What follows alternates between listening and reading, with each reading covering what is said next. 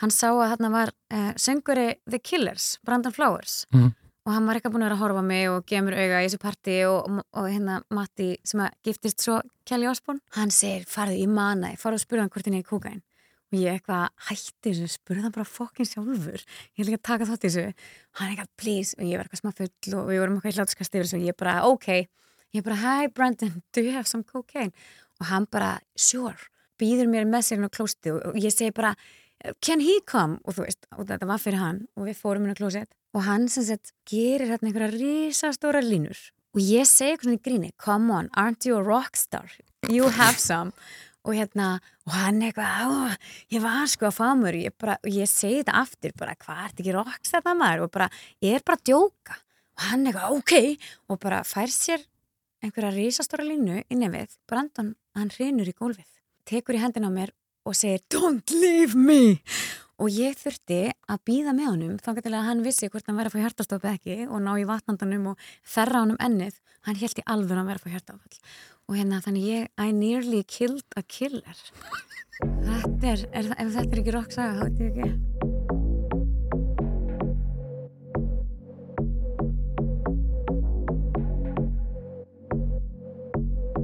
Komið í sæl, ég heiti Þórður Helgi og þetta er Greenland Pop.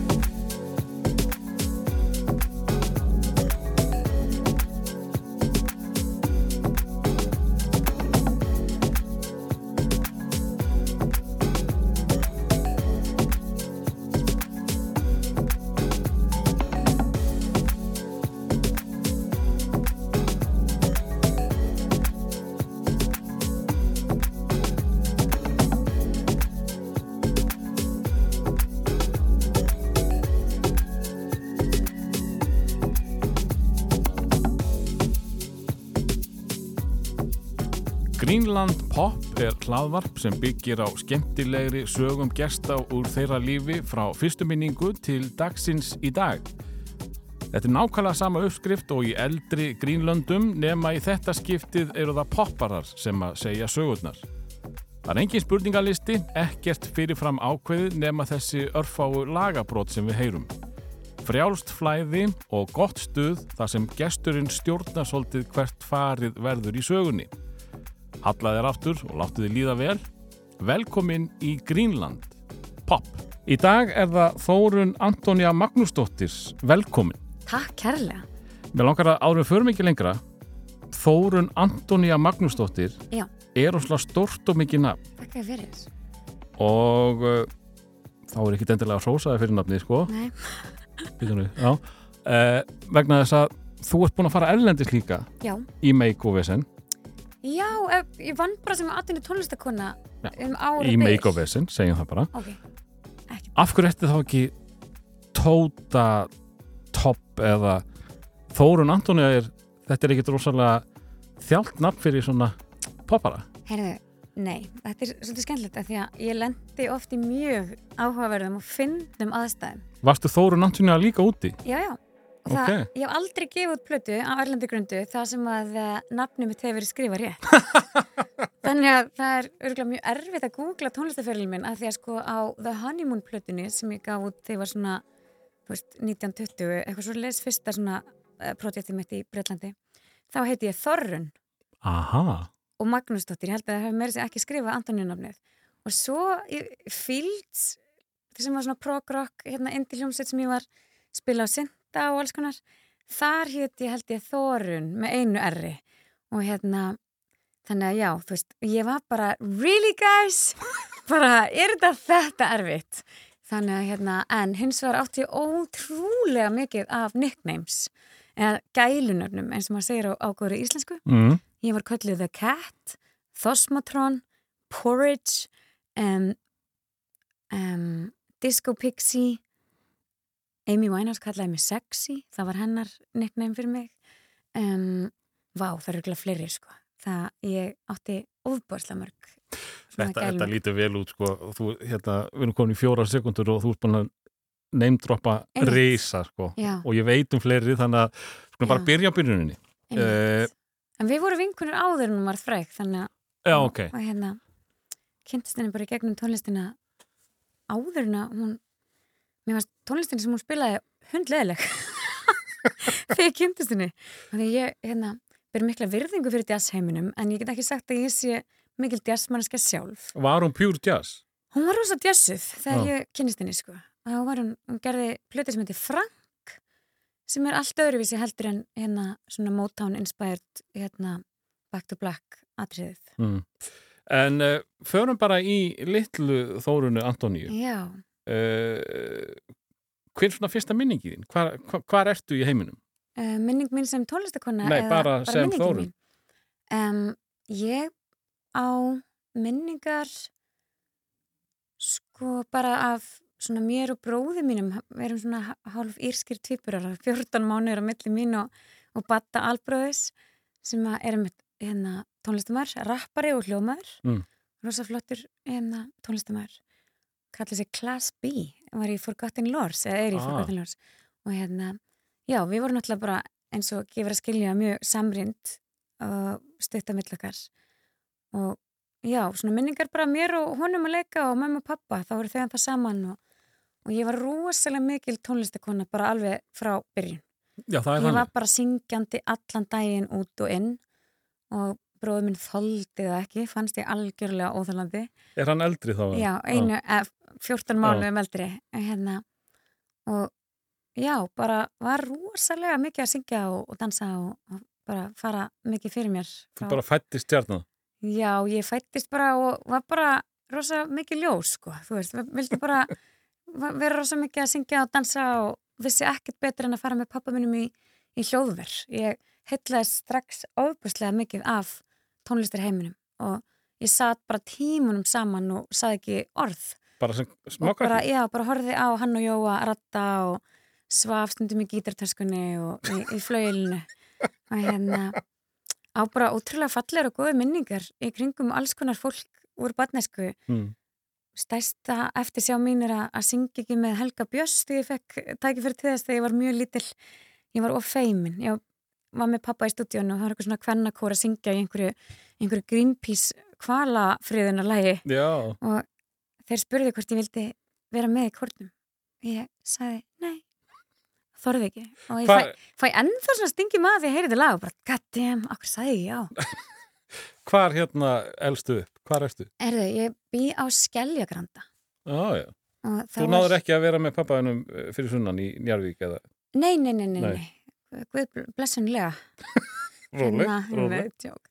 Nei, nei, hann var lengur flyttur í bæinn sko. hann bjó, mamma og hann byggu á Skeljagranda Mm. niður við sjóin í Vesturbænum og pappi og mamma eru saman til þannig til ég er svona þryggjara og þá skilja þau og, og pappi býr þarna aðlega bara í miðbænum eftir það á laugaveginum og, og ég svona, já Vesturbæingur slags miðbæróta Og, og, og uh, ferðu þá með honum eða mömmu? Sko, um, ég var bara hjá pappa aðra helgi, Já, einmitt. svona þegar það kom, kom á einhver, einhver rútína á, á þetta. þá var ég aðra helgi og, og hérna, átrúlega skemmtilegur að finna minningar af annar hverja helgi með pappa.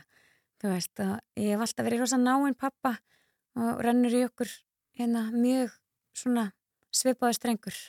Við hefum rosalega djúpa tónlistar hérna tengingu og bara svona sálartengingu yfir höfuð og hérna og það er náttúrulega bara eins og gefur að skilja bara alltaf ofbúslega sásöku fullt þegar maður er batn og, og fóreldrar mann skilja einmitt. og ég man mjög mikið eftir þessum tíma ég á rosalega miklar og stórar minningar frá batnesku og svona mjög svona vivitt minningar Eh, En sko, fyrir utan skilnaðin, Mhm. eh, sko, vinkonu hópurinn, hvern, hvernig var hann? Eh, Þú fæðist sem bara, þú vilt bara vera stjarnar fyrsta degi. Já, og bara vildi bara syngja og ég var bara eitthvað alltaf að pína vinkunum mínar til þess að vera með mér í hljómsutum og syngja í einhverja hárbusta og hann að tróða vassblöður minn og bólu minn og þykjast þér með brjóst og við, áttum hérna, ég átti æðislega besti vinkunur hérna í næstu blokk, þetta var svona blokkarklasar og hérna alls konar skemmtilegt fólk sem bjóða þarna. Og til dæmis eh, maður sem heitir Jónas, trommuleikari Mm. og hann er, hann er látin í dag. Og hérna hann um, hann var rosalega skemmtilur kall, pappi hérna Byrni og, og, og, og Ingu, vinkvenna minna og hann átti sko ógeðslega mikið að skemmtilegum plötum. Og ég komst svona inn í svona tónlist út frá hans plötusafni og, og, og kvikmyndasafni líka. Ég, við vorum alltaf að stelast til að horfa á grís og the commitments og, og ég hérna, tók ástfóstri við hérna, John Lennon Já. í gegnum hans plötusafn mann bara eftir bara augnablikinu því ég heyrði Imagine í fyrsta skipti. Bara fjall í stafi, það var bara fallað sem ég hef heyrt. Og þær, eins og hann og konunans hérna Svafa sem er líka fallin frá og hérna þau áttu hárkollisafn og hattasafn. Þannig að fara heim til Ingo Dísu að leika, nei, hérna Ingo og Byrna að leika var sko algjör draumur. Og rosa mikið frelsi á því heimili og þar var til nammi og snakk og svona mamma mín var svo æðislega góð mamma, hún var alltaf að alveg upp, þú veist, rosa heilsusamlega við máttum ekki fá nammi og alls konar sko, sem ég þakkinni fyrir í dag en Já. það var ekkert alltaf ókslega skemmtilegt sko þannig að það er mjög spennandi að fara heim til vinnana sem átti svona nammiskápa sko mm. en, en sko þessi, þessi rosalega tónlistar áhugi mm og, og langa að performa Já. það vant alveg að kemur beint frá pampaðinu Sko Vist að ég veit það ekki eins og því að sko þetta var bara mér í blóð borið. Mm. Fyrir það... þá fáu sem ekki vita þá er uh, Magnús Þór, Magnús Þór Simundsson uh, sem sagt fadir hennar og uh, þú ert fætt í áttunni. Já, ég er 83. Og þar er hann nú náttúrulega ekki rosalega ábyrgandi. Nei, það er nefnilega svo, svo fyndið að sko ég sé þetta nákvæmlega sama með dótti mína. Mm. Sko hún er sjóra og ég, hérna þegar hún fæðist þá er ég bara svolítið svona niðurseflu, er ekkert að gefa neitt út, ekkert í einhverjum glimmergöllum, þú veist, ég er bara heima á, basically bara eins og flestar konur í fæðingarólöfu og með lítil börn, maður er bara svolítið í kósi stemmingu og mm -hmm. bara jókaböksum og öllupessum og engin glamur á mér, þannig séð sko. Þannig að, en hún var bara í alvöru farin að skrýða í áttina að bara glimmerskóm og, og, og hliðbarastífveljum bara, þú veist, áður hún gætt sko talað og bara veist, taktarnir í henni. Þetta er bara svona eins og þetta hefur bara komið með móðumjölkinni þessi, hérna, þessi tjáningaþörf Já. og þessi ófeimni sko. Og hérna, mér finnst erfiðar að fara í banka eða póstúr seldur en að standa upp á sviði fyrir mörg þúsund manns. Já, þannig að þetta er svo skrítið hvar hérna, hvar svona kvíðamörkin eða, eða hérna bara þessi þessi hæfileiki liggur hjá fólki. Já veist, flestir sem ég þekki svitna við að þurfa bara að tala ofnbærlega sko. Þannig að þetta er alveg svona svolítið spes hvernig maður bara kemur er, í heiminn. Er það ekki svolítið, að því þú talar um að sé ekkert mála að syngja fyrir uh, þúsundi manna mm -hmm. en er þetta ekki verri ef að þú ert kannski að uh, tala eða syngja fyrir uh, tíum manns? Jú, Já. þetta er nefnilega svo áhugavert að þegar fjöldin verður að einhvers konar massa Þá sér þetta ekki fólki. Nei, Já. og þá er þetta ekki svo persónulegt. Nei, en sko, þú veist, vá, bara, ef ég ætti bara að standa einhverju fyrir fram að þig og bara vera með sjó, skilur það er strax, ég meni, ég er alveg mjög, hérna, reyndi mínum búin að að vinna við að vera aðtunni tónlistakona síðan ég var bara barn og úlingur. Mm. En mér finnst það ekkert málur en veru, en það er samt alltaf mál, skilur. Maður mað dettur bara í, ég fer bara í gýrin. Mér finnst þetta alltaf, ég er með feimin oft, sko. Mm og hérna bara felðar óslulega vel mjög feimin í alls konar svona þú veist, bara mér hryllir fyrir að mæta á stefnumót sko Já. þú veist, eitthvað svolis, bara eitthvað svona one on one atriði, mér finnst það mjög erfitt en hérna ekkert erfitt í öðrum aðstæðum sko. Já, þetta er svolítið skrítið þeir eru sama þó að séu þúsundir manns að horfa á því Já en ef að þú þarfst að gera það sama móti þá Já, er það miklu erfiðara. Það er svo skritið sko. uh, en uh, hvernig skólastúlka var, var Þórun Antoníu? Herðu, ég var mjög klár mm. sem barn í skóla og ég var rosalega mikill lestrahestur og las og las og las. Ég manna ég og vinkunum minn í, sem við vorum í bekk saman vorum alltaf í svona lestrakeppni. Og hver gæti sko lesið fleiri bækur á mánuði og ég man ekkert, ég man lasi 17 bækur á einu mánu, ég bara læði ekki bækurna frá mér. Og ég var í ballett líka. Og ég var bara ofbóðslega skapandi og svona samviskusöfum í skóla. Og já, bara en ég var alltaf bara rosa skrítin samt sko, mm. ég var alltaf verið bara held ég, hérna, svolítið sérstök. E, Og, og hvernig, hvernig var, varstu þá í vinahófnum eh, var, var það bara tekið sem eh, þetta er skrifnagjálfur í hófnum? Ég veit það ekki, já, Nei. ég var, veist, ég var alltaf, veist, með vinsali krökkunum en ég var líka svona svolítið rótæk þegar það kom að því að, að hérna, ef það var verið að leggja einhvern einelti eða eitthvað slíkt þá var ég um, mjög svona fljóta að skarast í leikin og hjálpa til og mér Mm. var svolítið sama hvort ég myndi, þú veist, missa vini út, út af það eða ekki og hérna þetta var harður heimur í, þar sem ég elst upp við, hérna, það var mjög mikið ofbeldi kringum mig á þessum tíma ég ólst upp í næsta húsi eða næstu næsta blokkar hérna helming þá, þá hérna að byggu strákar sem að voru bara mjög hættulegir frá unga aldri Mm. og eru í dag bara mjög hættulegir gleipamenn og hérna þeir lömdu okkur sundur saman og, og hérna eldumann þegar maður kom út á lögadögum með nami pinningin og, og þeir voru mjög grófir, grófir óbilsmenn og eru enn það í dag. Og hérna þannig að maður ólst upp við það að þurfa að, hérna, að vera sífilt á Vartbergi og þetta var gróft óbildi sem maður voru beita krökkum. Það var ekkert eitthvað smá, skilur held einhvern tímann bensin yfir fimm ára stráku ætla að kveikja honum og, og hérna, já, þetta var þetta var skeri, sko. Og Þú hérna ert að hlusta á Greenland? Einmitt, um, já, og hérna þetta voru hérna já, það var alls konar sem maður upplifið sem bat sem að maður átti kannski ekki alveg að vera upplifa En eh, sko, þú ert búin að plata vinkonuðinnar í að, eh, gera svona gerfi hljómsveitir og syngja í, í, í hárbusta og eitthvað. mm Hvenar, hvenar ferðu á, á næsta stig og, og hættir að, hérna, að sagt, leika? sko það einu af mínum fyrstu framkomum þar sem ég stóð fyrir framann fólk ein að syngja það held ég að vera svona átt ára í drægi, ég klætti mig upp sem Emily Katolti Mm. og ég fekk lánaða skýrtu af bróðum mínum og einhverja svona hvað heitir þetta, svona sixpensara húu Já. og kepli frá mömmu minni, ég veit ekki alveg hvað tilgangi var með það á þessu sviði og tók eitthvað lag úr Emily Katolti síningunni fyrir framann allan skólan minn. Þetta fannst mér bróðslega töff.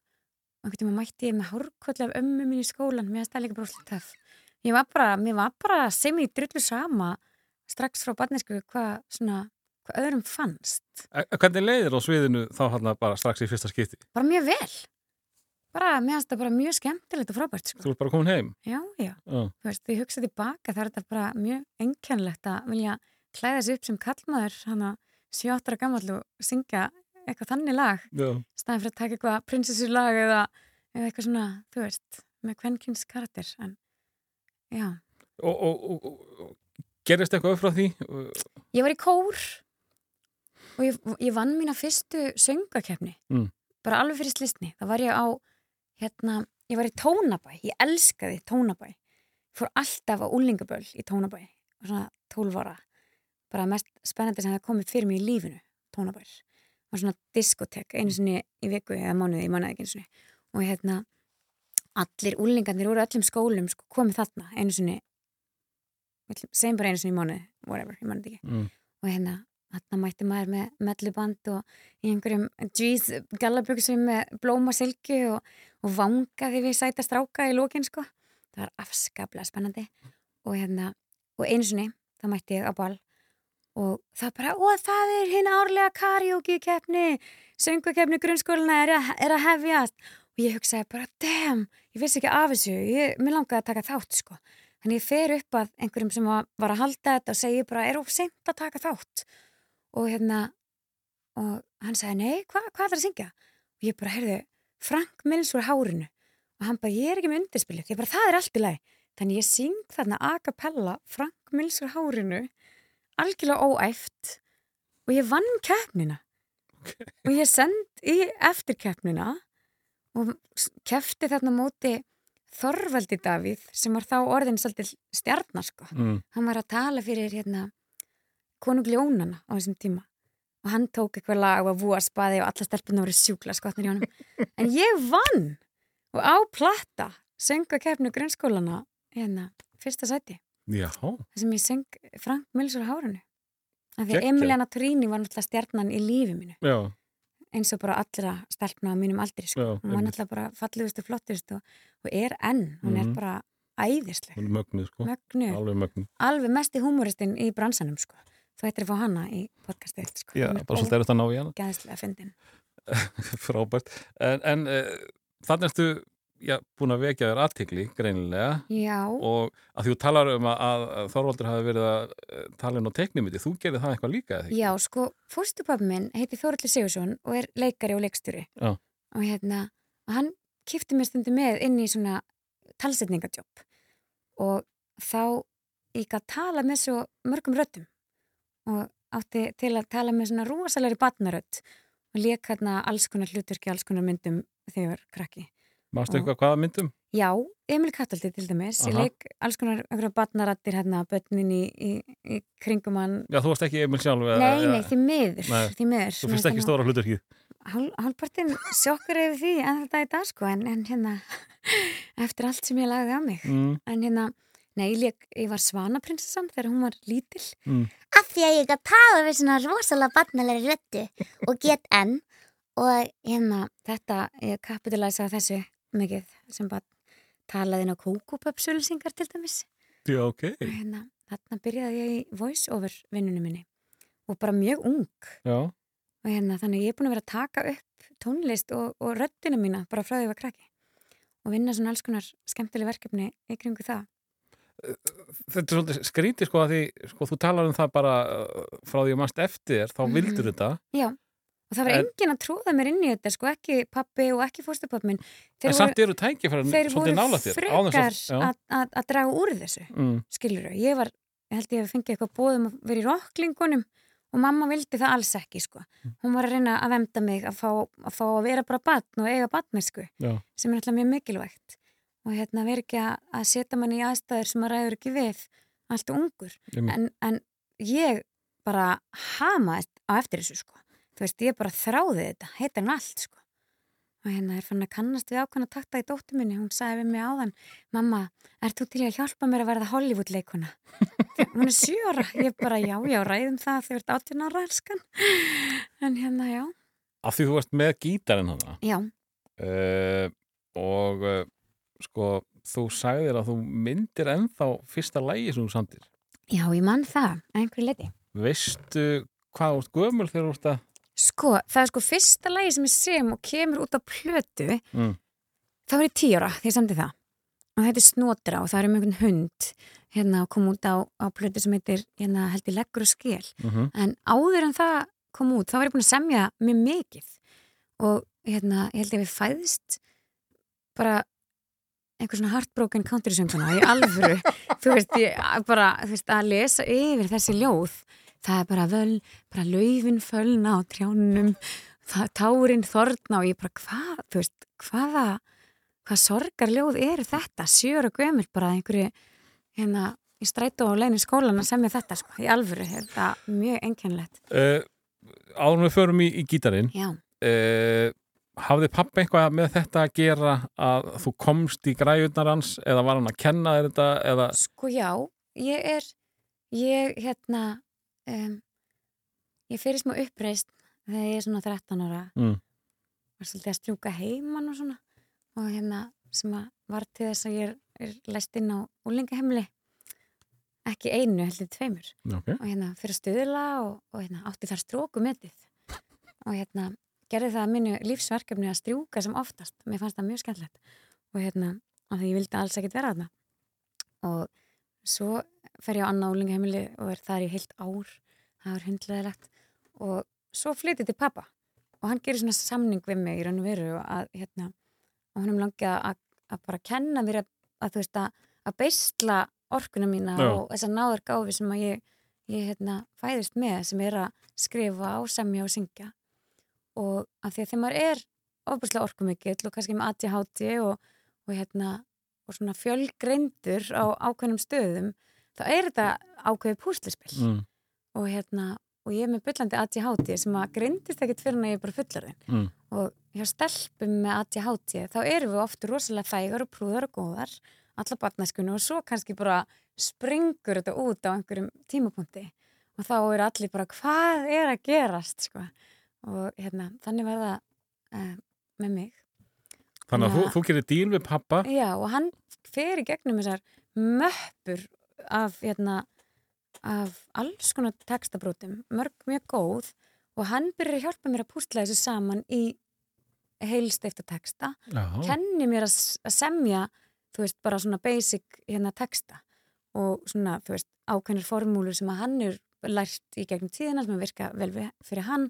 Fyrir hann í raun og verið styrti mér svolítið leiðina um, að þessu með því að kenna mér það sem hann kunni. Kendi mér þetta aldrei á gítar, ég er ennþá svolítið fúldi hann fyrir það, ég er ennþá bara hérna mellu fær á gítar Mm. þú veist, há eldrið en ég er, að, ég er að taka mig í gegn núna ég er að taka þetta fyrst tökum.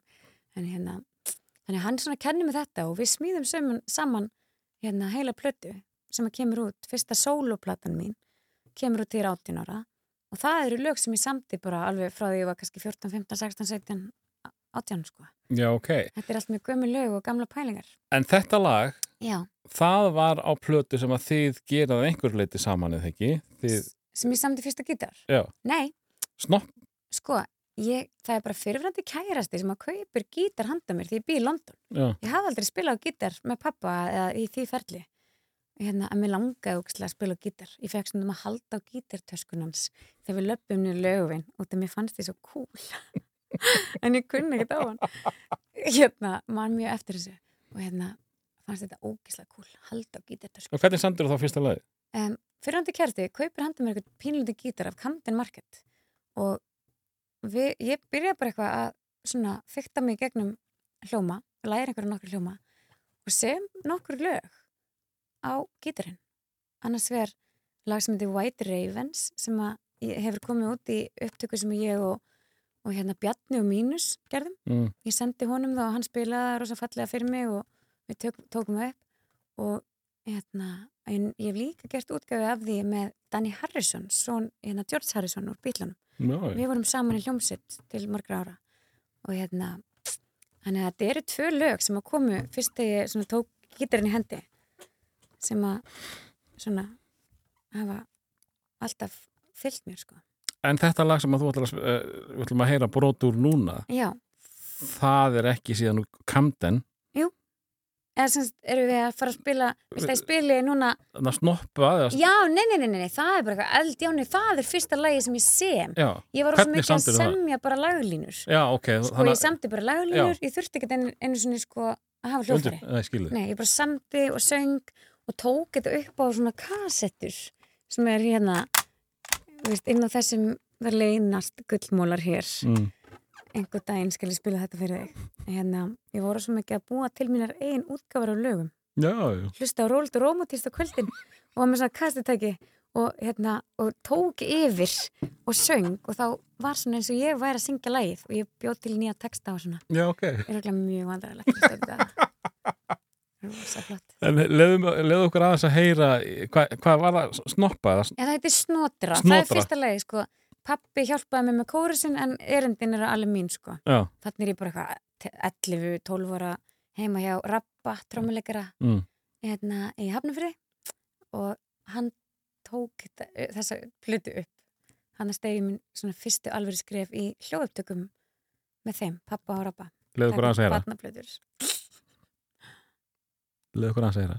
ég, ég vart ekki með upptökum Nei, þú ætlar að leiða okkur að heyra að þessna baði um að taka gítarinn. Já, ég kann það ekki að gítar Nú, ok. Nei, ég, ég samt að það ekki að gítar Ég ætla nefnilega að fara í annar laga þessari leggur og Já, já, já, en ég, ég get sungað fyrir þig Já, komdu með það. Falleg ertu snotra mín og fjöleg börnin þín. Að fá þau til að leika við er hjartan sóskin mín. Þó mörg ég barna gull er ekkert á við það. Að hitta litlu kvolpana um tún og bæjarstað. Þú ert svo eitthvað la la elsku snotra mín úr augum þínum dörreri á góðvildin skín. Viltu ekki gefa mér bara aðeins eitt því ég á hvorki systur niður leikbróður neitt Viltu ekki gefa mér bara aðeins eitt Því ég á hvorki systur Niður leikbróður neitt Af hverju mann ég þetta? Ég hef nákvæmlega. hlusta á þetta síðan að ég var sko Og hún man alveg versin, 12 sko. Ok, frábært. En uh, það vantar ekki dramatíkina að það. Nei, nei, bara, en þetta er ekki ljóð eftir mig sko nei, ég hérna tók bara einhverja barnaljóð bók og bjóð til þetta hérna, þetta lag upp úr því en uh, ég er hérna með annar lag af þessari plötu. Já, og þar ferðu svolítið, eh, þar yngirðu upp. Mm sem að þeir ætlaði að fá einhvern barnakór en hérna, ég sagði, heyrðu, ég skal bara syngja eins og barn. Og gaf þeim tóndæmi og þeir bara, heyrðu bara, þetta er bara sælt, þannig að þannig er ég svona 11-12 ára að þykjast vera hérna, miklu yngri. Og við heyrðum með mitt uh, hluta af uh, barnarödd þinni sem að þú Já. getur ennþá náð. Já, já, heyrum hérna uh, lambið mitt uh, Lambið eða mitt. brotaði Ég á mér fallegt lítið lamb með æðin silki mjúka og lófa mínum vetur það og eldreitt hálsband skreitir það. Þarna ertu alveg 12 ára eða eitthvað já, já, já. Mitt kæra litla lamb með læra litla lamb já, já, já. Þarna er ég bara Í karakter. þetta geggjað, Það er ekkert verið að pizza röddina mína, ég geri þetta bara sjálf. Þetta er alveg sko. þú? Já, já. þetta finnst mér geggjað ég alveg ekki við autotune neitt slíkt. Ég- nei, þú ert alveg listan Já. Já. Nei, sko, ég er bara mjög pró það fyrir annað fólk, en ég hef aldrei kunna við það fyrir mínu rödd. Mm. Því ég er með svona einhverja neyingu til að vera pínu svona írsk í, í hérna tónvali og það bara hendar ekki þannig. Það, en mér finnst þetta bara svo opaslega vel gert er fyrir. þetta er 6 ára barn að syngja þetta Já, ég, sama hvað þú segir sko. Já, já. Þú mátt alveg segja þetta 12 ára sko. Nei, nei, ég því hérna, Þetta þótti bara það sem ég rændi þarna augnabliki æsku ykkar. en að því við erum komin í tóndæmi Já, þú varst sko, þetta eru tóndæmi sem ég þekki ekki þú Já. varst að koma með þau bara hérna núna já, ég ánefnilega svo svakalega mikið af alls konar óutgefnu skemmtilega efni sem Mm. að, þú veist, ég hef bara ekki, hérna, bara nefnt að gefa út eða, þú veist, kannski bara gert og gleymt. Ég er svolítið í því. uh, sko, uh, uppskriftin er venjulega að reyna að fylgja bara sögu, sögu hérna, já, tímalínunni. Mm uh, mér er nokk sama, við förum bara þangað sem við viljum fara, Ég er líka svona svolítið, hérna, all over the place já, sem er gott típa sem er bara frábært. sko. þetta sem að þú kemur með núna mm uh, við erum hér lag sem heitir I Really Wanna I really Know. wanna know. Þetta er sko lag um hérna fyrstu ástarsorgina mína þetta er þinn texti sem sé Já. Já. já, já, ég hef alltaf sami textana mína sjálf Já. og hérna, eða á miklu leiti og hérna og hérna og mjög mikið af lögum af, af plötun okkar pappa eru textar sem, sagt, sem hann tekur eftir mig og púslar saman Mm. það eru jú einhver, það er held ég tvö-þrjú lög samt að þeirri plötu sem hann semur alveg skilur eða fleiri, ég man það ekki samt en megni af þessu semjum við saman en hvert erum við komin að því Þetta er ég 16 ára því ég sem þetta lag já, I really wanna know og ég er ástfangin í fyrsta skiptið já, af hérna ofbúrslega fallum hérna tónlistamanni, íslensku tónlistamanni. Og við vorum kæristu pari í, í góða sekundu hana. Og þarna sko um, hættir hann með mér af því ég fyrir sleik og annar strák á okkur úlingadjami og ég var svo heiðarlega, ég sáði hann það bara Mm. strax. Og bara fyrirgefðu og, og hann var svo sár að hann hætti með mér. Og ég held ég hef grátið yfir þessu manni í svona tvö ár eftir það. Já. Því að ég, ég hvað hjarta og elska djúpt hvaða verkefni er þetta? þetta er, ég er svona 15 ára 14, nei, ég er svona 15 ára. Og Skrats skrats og ég var bara svona svolítið headhunted af hérna eh, tónlistamönnum sem að voru þá með Tuli Music Studios já, og gáði mér alls konar frábæra og æðislega tækifæri hérna á þessum tíma og mjög mikla reynslu. Þarna var ég bara að vinna með alls konar fólki úr tónlistabransunum eða svona aðalega úr um, svona danstónlistarsinnunni kannski. Þarna er ég Biggie Biggs held ég að við mixa þetta lag og þarna var alls konar fólk sem ég kynntist og kynntist trabandstrákunum svolítið vel, þeir voru líka að taka upp þarna og þarna komst maður svolítið inn í tónlistarsenuna mm. og ég var náttúrulega bara, veist, bara rosalega ung, ég var bara 14 eða 15 ára kannski mestalegi þegar ég byrja þarna og er að taka upp og, og hérna tek upp nokkuð demo sem að eru svo sendt hérna á Erlendan markað og, og, og hérna fenguðu mikil viðbröð og það átt að gera mig að bara svona sexy popstjörnu sko. 15 ára, Já. 16 ára. og hérna ég er ennþá svolítið Er þetta, britt, er þetta brittnina? Já, sama fyrirtæki og Brittany var hjá og vildi hérna höfðu áhuga mér Já, og, og hérna en ég hef alltaf verið bara með rosalega stert bein í nefnu alveg frá því að ég var lítil og kannski bara líka út, út frá svona aðstæðinum sem ég kem sem barn og hérna þurfti svolítið að vera standa uppi fyrir sjálfur mér og, og, og hérna vemta mig og mína og þannig ég mæti á fund með þeim og það er verið að tala um að gera tónlistavídeó fyrir þe- þetta þessi lög. Og það er bara já þú ert á bikini og svertri strönd og, og ég bara ha? Þú veist bara hvað er það að segja skilur ég, ég er 15 ára skilur þú veist. Þá bara, það var ekkert issue og ég vildi ekkert vera á bikiniinu sko. Mm. þeir ætlaði bara að kippa hérna Rósa og Spotlight inn í staðin fyrir mig og það var alveg komið út í þá pælingu. Hún átti bara að vera fronturinn á, á, á bandinu.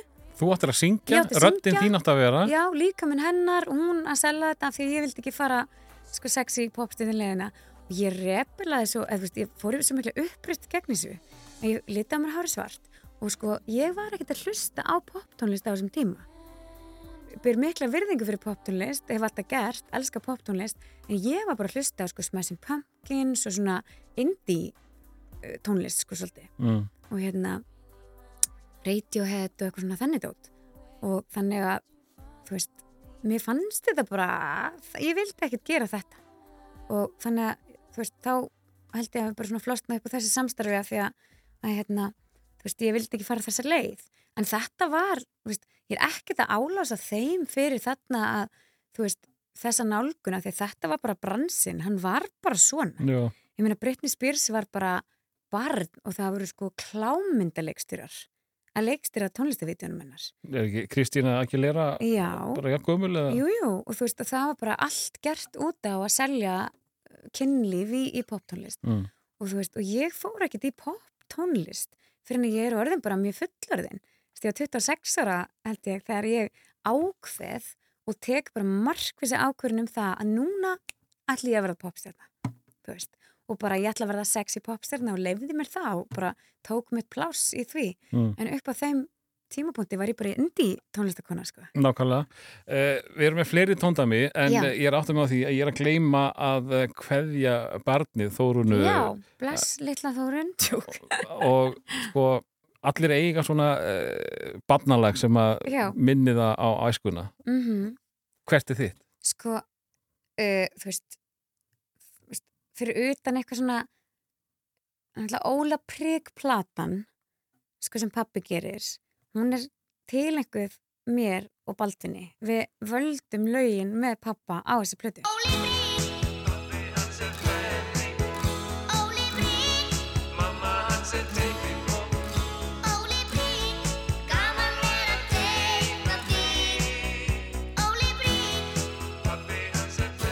Hvað ertu gömur þá? Þú er bara þryggja. Já. Já, bara eins til þryggjara er hann að vinna í lögunum Mm. og við erum bara svona þarna bara pínulítil og hann er að spila þessi lög fyrir okkur þannig við erum rosa stór partur af því að búa til hljóðheimina á þessari plötu af því að þú veist það sem við fílum endaði á plötunni Mm. og hérna og Anna Telma stóra sýsti mín syngur á þessari plötu og þú veist þetta var bara rosa svona persónulegt verkefni og hérna þannig þetta er bara svona svolítið svona hljóðheimur æsku minnar.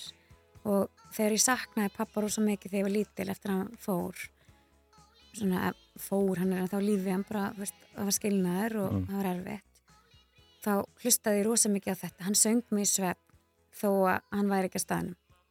Þannig að veist, þetta er svona alvöru hljóðheimur æsku minnar en ég var sko með stjórnina á heilan Sigga Bindins var drottning lífsminns ég Magna. fekk einu sinni að syngja með henni Já, á hestamannamóti í Mósfellsbæ þegar ég var sex ára. Við sex ára. áður en ég byrjaði í barnaskóla. Og þetta kom í sjónvarpinu. Ég bara rokkaði upp í sexarbekk eins og ég væri bara stórstjarnar bara sáðu mig í sjónvarpinu. Ég var að syngja með Siggu Bentins hún var bara the shit. Mhm. hún var bara aðal málið þarna. Og magnað, hún Og- er allar stelpur á þínum aldri tíu ár upp og niður líka já, já, dyrkana bara, hún er bara, hún var bara stjarnan mín Mm. og bara, ég er bara ómælda virðingu fyrir henni í dag og ég bara sé henni allt eru ljósi í dag, ég meina þú veist að vera hérna lesbía á þessum tíma og, og koma út úr skápnum og bara ótrúlega hugrökk hérna kona, Mm. þú veist, frægasta popstjarnar á Íslandi og ég náttúrulega hjarta mitt brotnaði í þúsund bytta því ég frétti að hún að hún og Gretar var ekki alveg par. Veit ég hvort ég get nokkuð tíman fyrir ekki um, um það en, en hérna ég man tíma, ég man punktin sem ég áttaði mig á því. Ég var að lesa eitthvað tímaritt vikuna eða mannlífið eitthvað svona gamalt hérna, las viðtal við hana þar sem að hún segir að þau séu ekki par. Ég man bara verald mín hrundi. Það var bara svona stóðir raunveruleika míns voru bara, ég held ég að við tekið þetta bara jafn sárt og skilna þú veist, ég bara, ha? Eru þau ekki alvöru par? Mér fannst þetta bara, ég var sex ára mér fannst þetta bara ekki þetta bara, rosalegu skellur sko. þetta var skellur. Já. ég held sé ennþá bara með smá tráma eftir, eftir þetta. Sigga og Gretar er engin sens að að við byrjum saman. Hvað, hvað, þetta láti ekki svona. Uh, og hvaða lag þá? Heyrðu, þú veist, sko það er eitt lag sem ég er búin að vera bara með á heilanum frá því ég var krakki, ég man ekki og hvað heitir, en sko það er ein lína sem að spilast aftur og aftur í haustum á mér. Þau spila jatti og krakkin fær sleikjó, þau slást um hvort á að þvó uppleir tögið. Ég man ekki hvað lagi heitir. Það heitir bara jatti. Ég átti þetta á kassitu. Þetta var uppbúrslega. Heyra hérna batnalagið en að þórunda. Japs.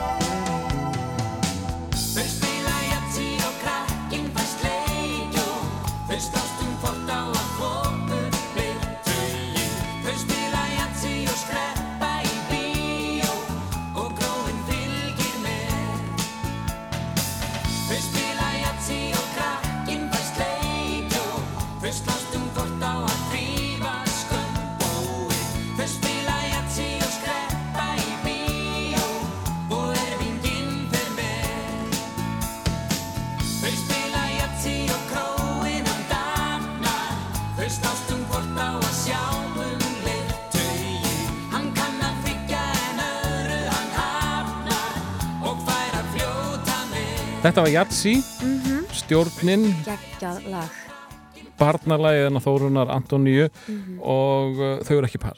Nei, því miður Og spilur ekkert mikið Jatsi saman. Nei, veistu hvað veistu hvað? Þegar ég var 30 ára þá held ég upp á, ég held partí held styrta tónleika fyrir kvennatkvörfið og ég kom þeim aftur saman og þau spiluðu í þrítisammalinu mínu Já. Þá hefðu þau ekki spilað saman mjög lengi en gerðu þetta fyrir þetta málefni Og uh, þú kannski þá kveikti neistana því þau eru búin að vera aðeins að lengi ja, síðan. Ég, hérna, mér langar eiginlega að fá að taka kreditið fyrir það það ekki? Jú, ef ekki bara segja Jú, það sem ég er að taka Alveg, alveg til í það. En uh, að því við erum komin í, sko, djúft í bara álfuru bransa Já. með þér.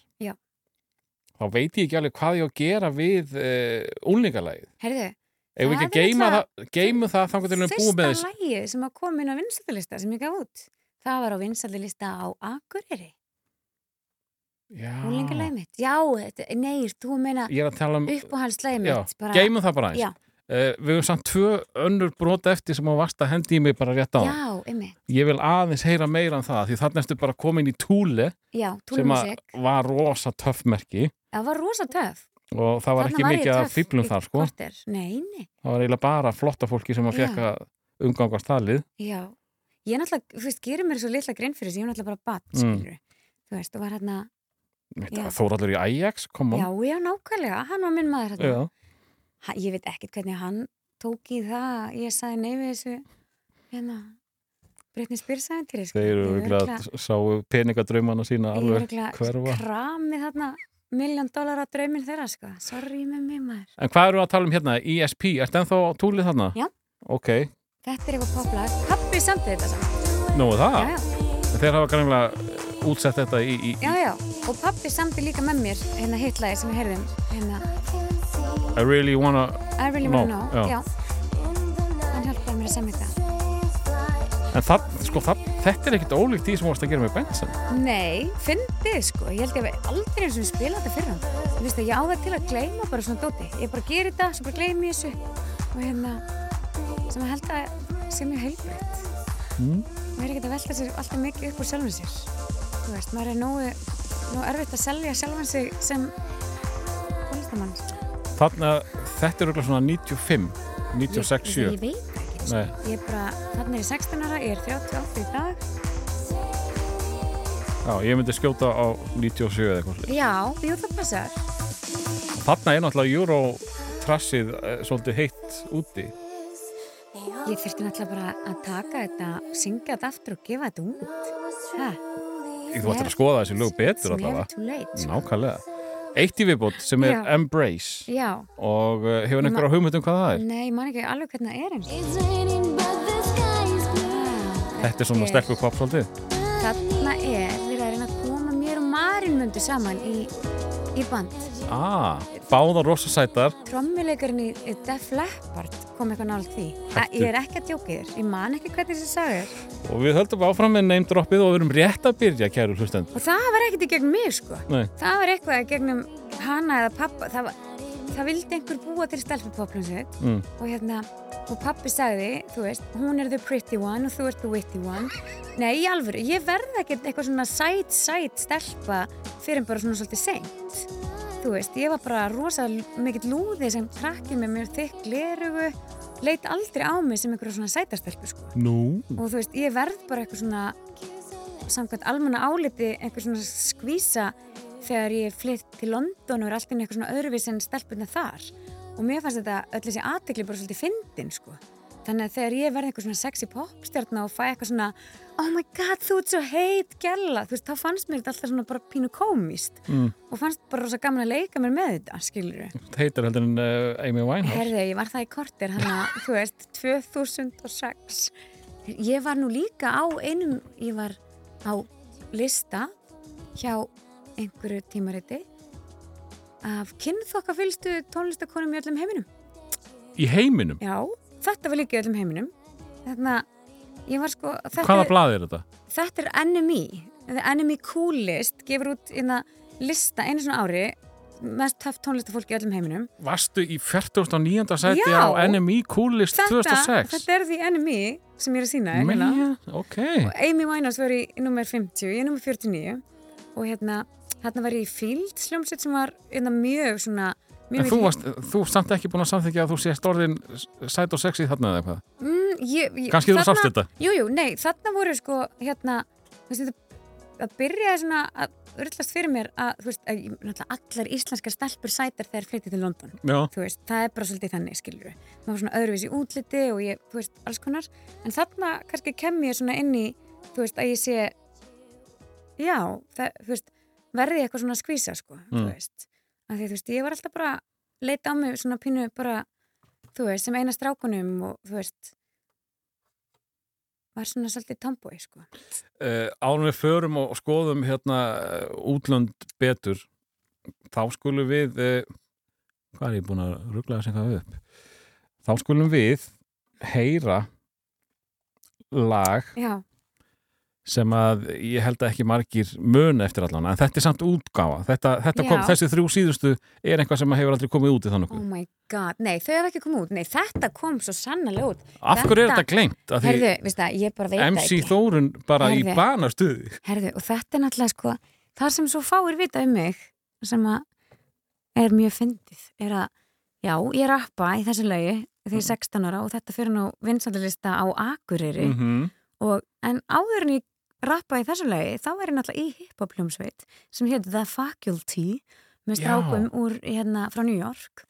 Segðu okkur aðeins frá því. ég og Addi Intro og Maggi Maxi og hérna sem að heitir Gnúsi í dag Já? Gnúsi, Gnúsi. Jones. jú, já, og hérna fleiri uh, voru í þessari senu. Og ég var fengið hann einu sem söngkona í þessari hljómsveit.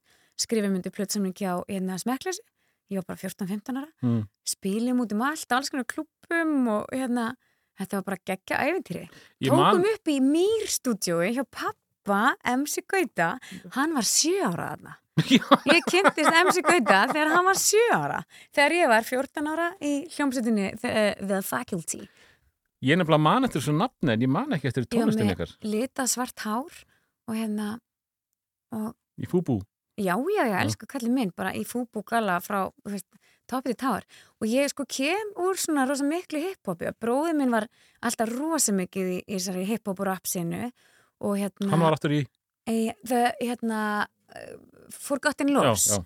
og hérna svo Ragna hérna frábær hérna tónlistakona í dag hérna Red Riot með Hildi og Selseven. og Cell 7, Já. hún bjöði næsta húsi við okkur þegar hún krakkar þannig að þú veist þetta var rosa mikið í kringum okkur, það voru allir í hip-hop sinninu einhvern veginn og, Af því þú minnist á hana. mm, Hún sagði minni svona sögu af því að uh, hún og vinkonur hennar já, hefðu farið um hverfið, bankað upp á já, og selt dans. já Bara, bara hérna pappi á gólfið. já þetta, sko, það var svo mikið svona fyndið í gangi, sko, og ég man, sko Snædís yngri, hérna sýstir, hérna Rögnu, var mjög góð vinkunum mín og það er þetta heima í blokkinu móti okkur.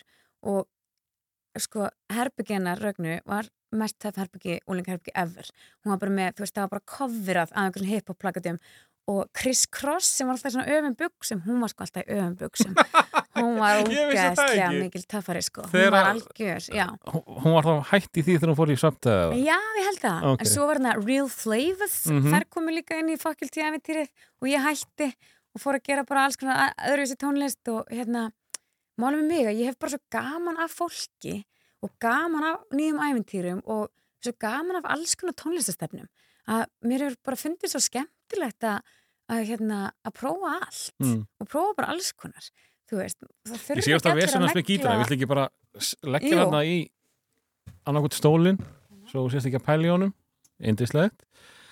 Því að við ætlum að fara að hlusta á uh, Þórunni Antoníu Magnúsdóttir að rappa fyrir okkur. Japs, þetta er tekið upp einmitt heim í Rappa hérna í Hafnafriði kom út á flugan uh, sapdiskur sem var til styrtar einhverju á vestfjörðum, ég man ekki. Var það, var það sama plata og uh, Leðjan var með Já. eh, útlensku útgáfurnar? Akkurat, já, já, já, þetta var sama Ég á Hérna- þá plötu, ég man ekki eftir rappinu Nei, nei, nei. ákveðin skellur, ég byrst En það söngunar Nei, ekki. bara allt í lagi allt í lagi, fyrir ekki þetta kannski eftir á En ok, En uh, ég var, ég, var búin að gleyma þessu, þú baðst mér bara um að græða upp eitthvað fyndið Hmm. og þá hugsaði ég bara, guð minn góður, já, þetta. Ég var alveg smá stjarnar á Akureyri, sko. Fór í, útásviðtal og svona. nú er það. Já, já. En, en hvað, sko þarna ertu ekki Antonija, þarna ertu bara Þórun Magnúsdóttir. Nei, þarna var ég ekki búin að taka upp uh, Antoníu nafnið. Mm. Ég ákvað það sjálf. Mér fannst Þórun Magnúsdóttir eitthvað svo, Venjulegt. eitthvað svo vennilegt. Já. Og hérna, En hvað var planið með þessa gellu?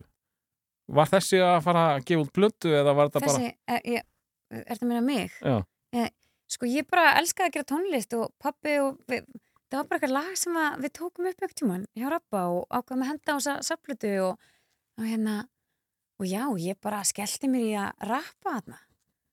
Nú býða allir rappinu, sko. Undir Já. rappinu.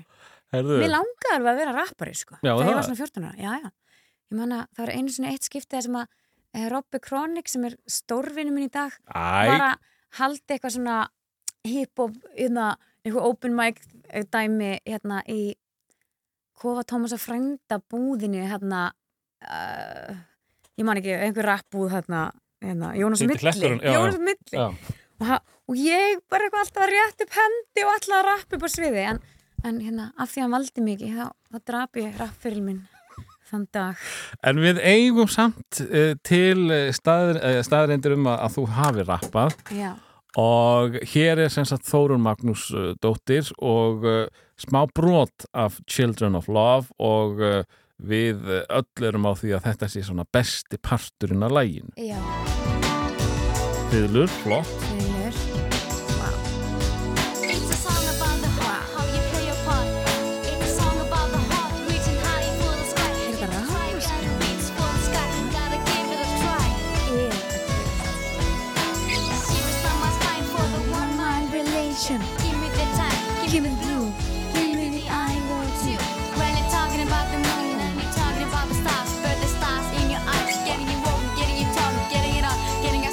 Þetta er ákveðtis flæði, diggli dú, diggli dú.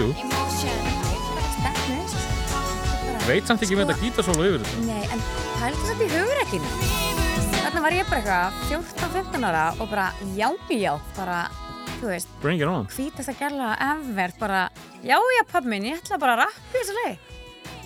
Var þetta hugmynd frá pappa? Nei, ég, þú veist, veit við hvernig ég eða hann, ég held að við höfum bara verið mjög sammála um að það ætti að vera rappkaflega þarna. Mm. En þetta er til á, á flugum fyrir þá sem að vilja eignast. Já. Ég, þetta er ekki að Spotify, ég reyndi að finna það þar. Nei, ég bara, Ég skal vinni í því. já, takk, ég, já, já, takk fyrir. Erðu, við ætlum að, að eh, uh, Rappferilinn Já. í byli, og uh, unglingin Já.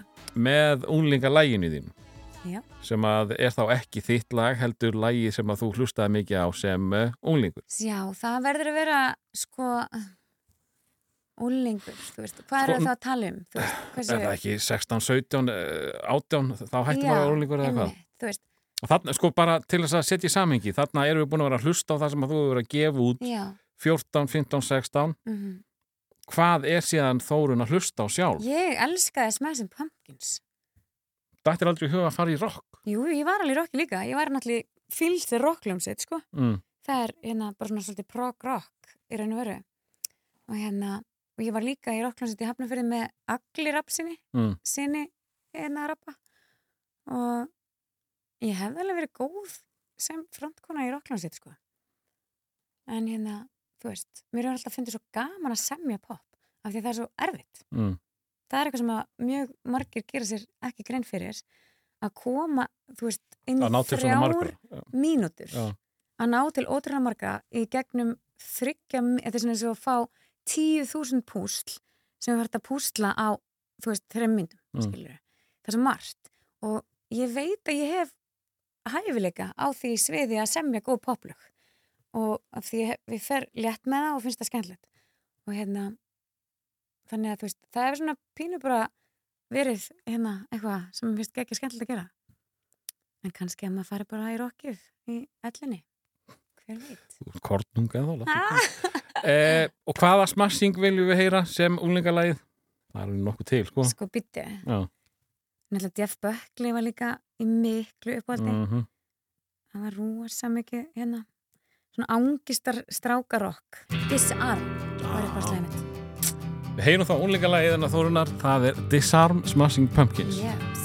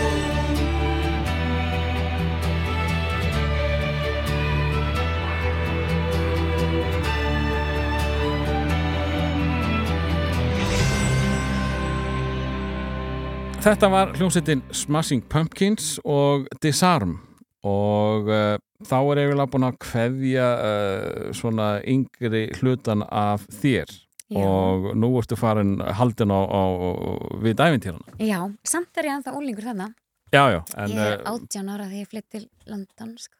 já, er maður þá ekki hættur á rúningur? Nei, Tán, já, Já, tá, tján, já. táningur já. Segðu mér þá hvað kemur til til að byrja með, af hverju færið þá what's Sko. going on? Ég fer til sko ég var alltaf bara mjög staðrann í því að- að hérna verða tónlistakona utan landstina Íslands. Mm. ég var farin að fyrir um, erfeifs tónlistarháttíðarnar þá var ég alltaf búin að sko handskreita bara þú veist örgulega hundraðir hérna á einhverjum demóum og var bara rosa þyrst í að, að hérna að bara gera þetta að starfi mínu. Og leta ekkert stoppa mig í því. Og ég sem sagt gefa út fyrstu plötinu mína Those Little Things 2002 2001 eða 2 og hún fær bara svolítið mikla aðtikli á Íslandi og ég er eh, tilnæmd bjartasta vonin í íslenski tónlist og sönguna, tilnæmd sem sönguna ársins og alls konar og, og hérna fæ bara svolítið hérna mikla aðtikli út af þessa plötu og það eru hérna pródúsirar að vinna með lífstrákunum Mm. sem að heyra þessa plötu og Hver pródusir það þá blötu? um, mína plötu það var bara pappi og við sko, þú veist, og hérna hún var tekin upp.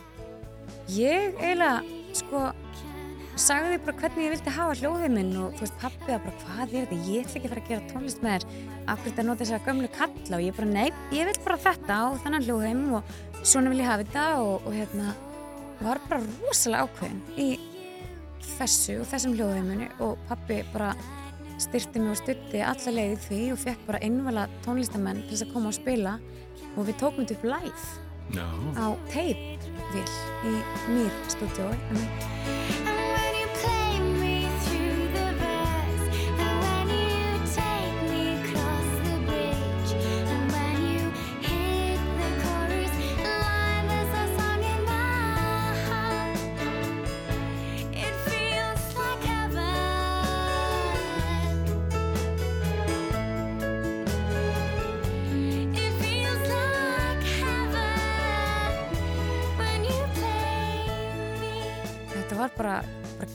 tónlistamennina með mér og, en já, og þessi plata berst til einna þessa pródusera sem að bjóða mér svo út þeir hétu The Away Team og flytja mig út til Breitlands í upptökur og við tökum upp eitt tvö lög saman og þau eru sendað okkur plötfyrirtæki og ég bara er, er sænuð strax hjá BMG bara í fyrsta tilhörun. Ég sagði því í grínu um mömmu, ég ætla að fara til London og skrifa til plötsamning, svo kom ég bara heim með plötsamning, það var bara þannig. Og ég bjó fyrsta árið mitt í stúdíu sem Radiohead eiga, í Abingdon Ditcott. Bjó í stúdíunu og fór svo inn í London um helgar, um, þekkti engan og bara settist upp í bara einhverja strætisvagna og skoðaði um um og, og hérna kynntist vinum og fylgta fólki svona fljótt eftir það og, og var hérna hljómsveit sem heitir The Honeymoon. Hétum fyrst The Lovers en þurfti svo að skipta um nafn af því að það hétt einhver an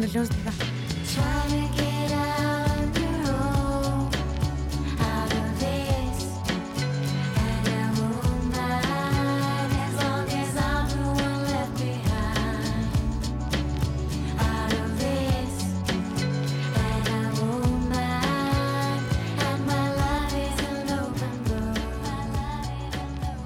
Og það var mikil miskilíkur að held allir að við vorum par, við vorum aldrei par.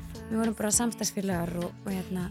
Ég held að þú hafi verið svolítið bara seld þannig í íslensku fjölmjölu. Já, ég, þetta var bara svolítið ég að, fá tækifæri af því að hérna, ég var með kærastanum mínum í Já, hljómsveit. eitthvað Það svoleiðis. var mjög típist, uh, þú veist. En þetta var eitthvað svona sætt pop eða ekki? Jú, þetta Já. var svona indie pop. Já. þú veist, og við túrum mikið með Nelly Furtado og svona risastjörnum bara rosa innspýting strax bara komin í rosalega harðan heim og hérna samkeppnin mikil og, og bara átinar að komin út í harðasta bransa í heimi, skilur tónlistabransin er náttúrulega algjörlega rúðless Já, og, og er hann ekki sérstaklega erfiður einmitt í Breitlandi? Jú, veist, maður heyri, og- heyri talað um closet-túra og... Já, já, já, ert að grínast, ég veist, ég er rosalega töffari. Ég er gerður mjög þykku leðri sko, Mm. þú veist, ég er búin að túra þú veist, upp og niður Bretlandi í ísköldum inn að sendiferðabílum og sofandi á einhverjum gólfum og hérna leggjandi mig í soundcheckunum þú veist, og þetta er náttúrulega bara engin luxus og maður lifði eiginlega bara á loftinu, sko. Maður var, veist, fekk bara mjög lágar upphær mánarlega frá plötfyrirtekinu og lifði svo bara á því að túra og veist, ég átti stundum ekki einu svona fyrir mat, sko. Veist, borðaði einu svona ekki fjóra dagi af því ég átti ekki krónu, skilur og Ok, þú veist, maður kannski bara í partíum með einhverjum stórstjörnum og hérna og safnandi klingi fyrir stræt og heim, sko. Það var mjög ekstrím aðstæður. Þannig að þetta var ótrúlega fyndið, sko en veist, í þessari aðstöðu, mm uh, partí með, með stóru, stóru fólkinu, Já, varst þá ekki að lauma bönns í vasan og, og, og snittum eða... nei, þú veist ekki þannig, já. Ég held ég hafi. Að því maður séð það í bíómyndum sko. það sem að fátaka tónlistafólki er að Já, þetta var samt svo fyndið, þú veist, að vera stelpa á þessum tíma í tónlistabransunum í veist, maður gæti alltaf að opna munnin að sem hann er bóðið, sko, þú veist, áfengið að eitthilum, sko. mm, Þú veist, það snýrist allt um að vera töff, þú veist, og hlamsettir á þessum tíma sem voru aðlega í pressunni, ef þú tókst ekki ógeðslega mikið eitthilum, þá varst ekki, tu- þú veist, þá varstu bara ekki cool.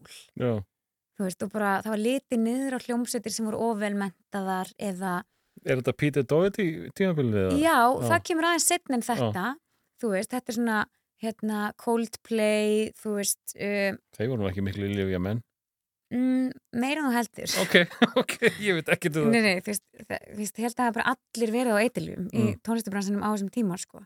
Og hérna, en ég, na, þú veist, sko, sögurnar sem ég gæti sagt þér, Segðu okkur einhvað. Þú veist ekki endilega neymdropa stórt endilega, en þú náttúrulega... veist að við viljum ógætlega mikið heyra, sko. Ég ætla, mástu þegar ég reyndi Já, að ná í þig ég veit það. Sko, hérna, ég á eina sögu af, eina, ég á fullt að sögum. Hérna, ég náttúrulega deytaði líka alveg stundum einhverja svona stráka sem að örðu svo heimsfræðir í einhverjum hljómsveitum og svona þannig. Mm. Og hérna, en þú veist, kynntist þeim yfirleitt bara svona rétt áður en þeir meikuði það. Og ég var til dæmis að heita Mark Ronson þegar hann var að gera Amy-plötuna. Já, Við erum að deyta í smá stund. Var það þessna sem þú þekkir Amy? Nei. Nei.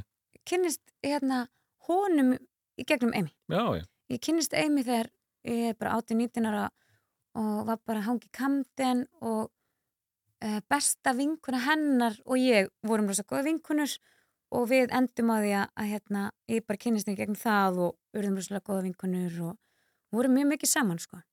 og hérna bara hrikalega erfitt að horfa upp á vinkunu sína degja fíknu sjúkdóm og fræð það var Mm. bara alveg ofbærslega sorglegt. Mm en rosalega mikil reynsla. Já, og hérna, en ég og Kelly Osborn erum líka mjög góða vinkunur já, og hérna það var bara ótrúlega fyndið. Já, ég kynnt hana fyrir bassalegarinn í hljómsveitinu minni í Fields og þau giftu sig. Já, ok. og hérna, og Sharon Osborn ringdi brjálu í mig að hvað ég væri að kynna hana fyrir einhverjum, einhverjum rock tónlistamanni og þau væri núna gift og þau giftu sig á einhverju tónlistarháttið og ég komst ekki með að því ég var með lúnabólgu Mm. Ég var með lúnabólgu af því ég var skilin eftir á bensínstöð af túrbössinu mínum, af, af tónleikarútinu minni, óvart.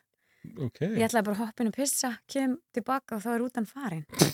og ég var bara uh, á stuttarmaból og, og einhverjum kúrikastifilum hana. Síðum stuttarmaból, ég hafði bara verið sofandi í rútunni. Já, ok. Ég var að spila á Redding og svo fer maður á Leeds festival hérna daginn eftir skilur þetta eru hérna samnefnara hátíðir ég ætlaði bara rétt að hoppa inn og hlaupa og kaupa eitthvað og koma út aftur þannig ég festist á, á hérna einhverjum bekk fyrir utan bensistöð í rigningu í mjög langan tíma og hérna þetta var alltaf leið, svo fór maður bara á festivalið og klára að spila og ég mista af rútinu aftur og fekk far með The Rack on Tours tilbaka hérna En þetta var bara mjög fyndið, eina fólki sem að þekkti var í tónlistabransanum Mm. og þannig að, hérna, En þú er gæla svona djúb inn í bransanum. Já, þú já, varst, já, þú varst já. ekkert, uh, þetta var bara, þú veist, maður var bara alveg innsta ring, sko. já, Þú en veist- þú varst, þú varst hérna komin í, eðalaði fyrir því söguna, ég ætla ekki að eðalega söguna Mm. fyrir þessi bara að hlusta. Nei, Þú varst hérna að deyta Ronsonin. já, nei, nei, já, þú veist, það var engin saga svo sem að baka það, Mm. nema, jú, einu sinni þegar við vorum, hérna, ég gisti með honum á hóteli sem heitir Cave West í Breitlandi, í London. Og Amy var semst í svítinu við hliðinu honum, like stelpurnar sem urðu miklu vinkunum mínar sem var bara geggjað því ég var eina stelpan að túra með strákum svo mikið. Þannig að það var svo geggjað að hitta stelpur sem voru í sömu kreðsu og voru að túra svona mikið. Ég var náttúrulega bara non-stop á tónleikaferðalagi frá 18 til 26 ára. með fyrst The Honeymoon svo með uh, Junior Senior þegar þeir voru á Já, hápunkti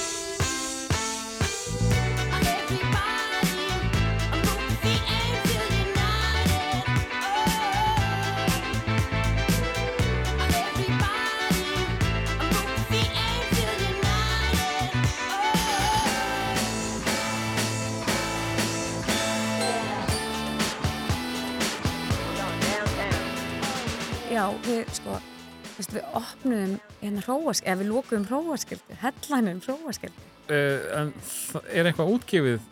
Eða Eh, varstu bara með þeim live? ég var bara bakræðarsöngunni live sko Já. með þeim. Og hérna hitti Jeppe söngurinn í einhverju partíi og hún fannst þessu skemmtilega hann ringi í mig daginn eftir og bara hvað er að gera eftir?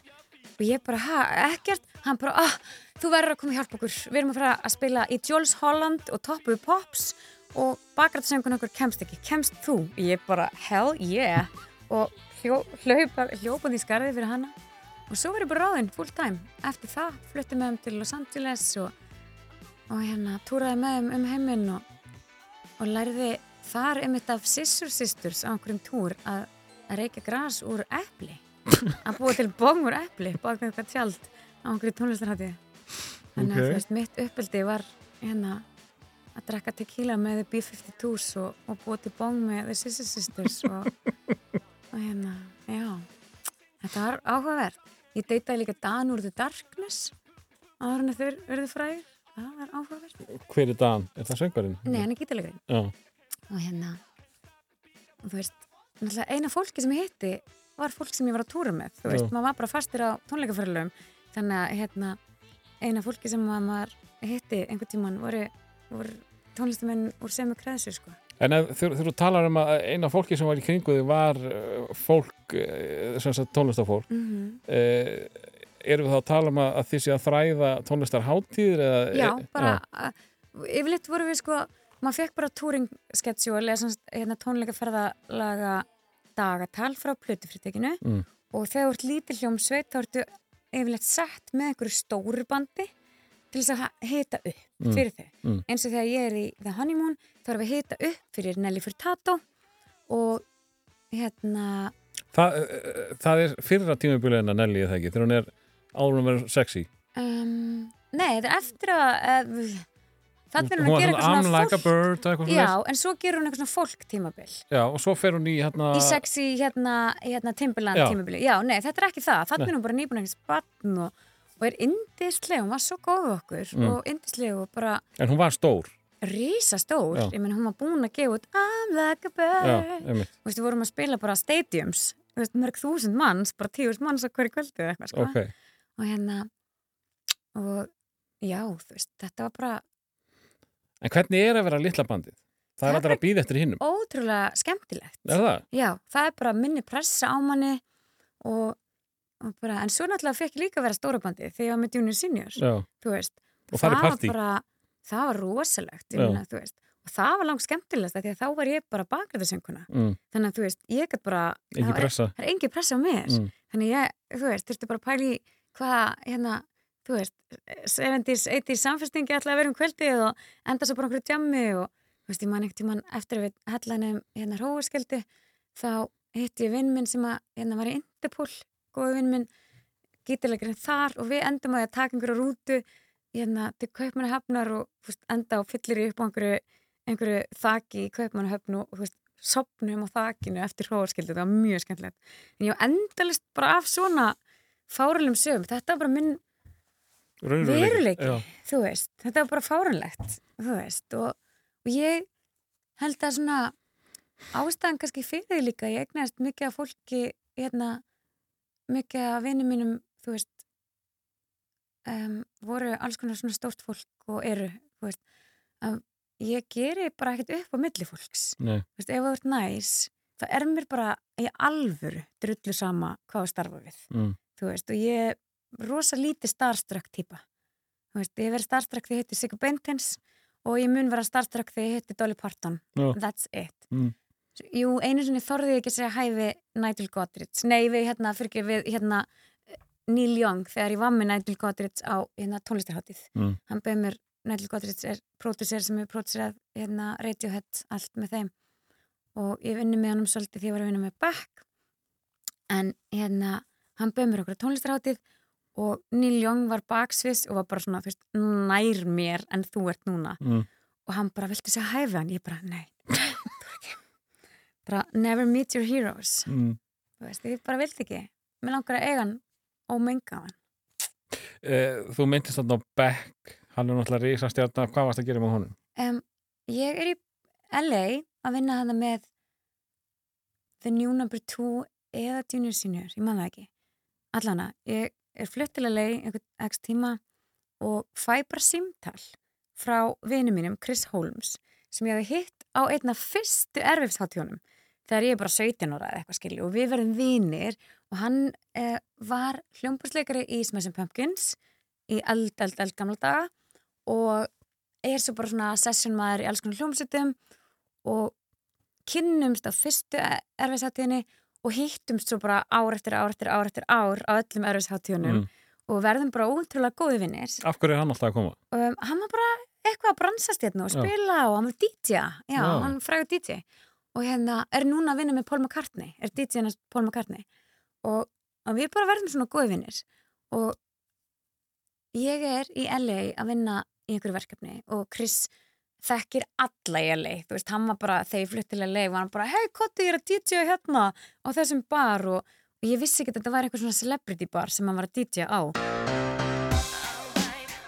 Svo allt henni bara lítið í kringum á klósettinu og þá bara stendur Britney Spears virkliðan á mér.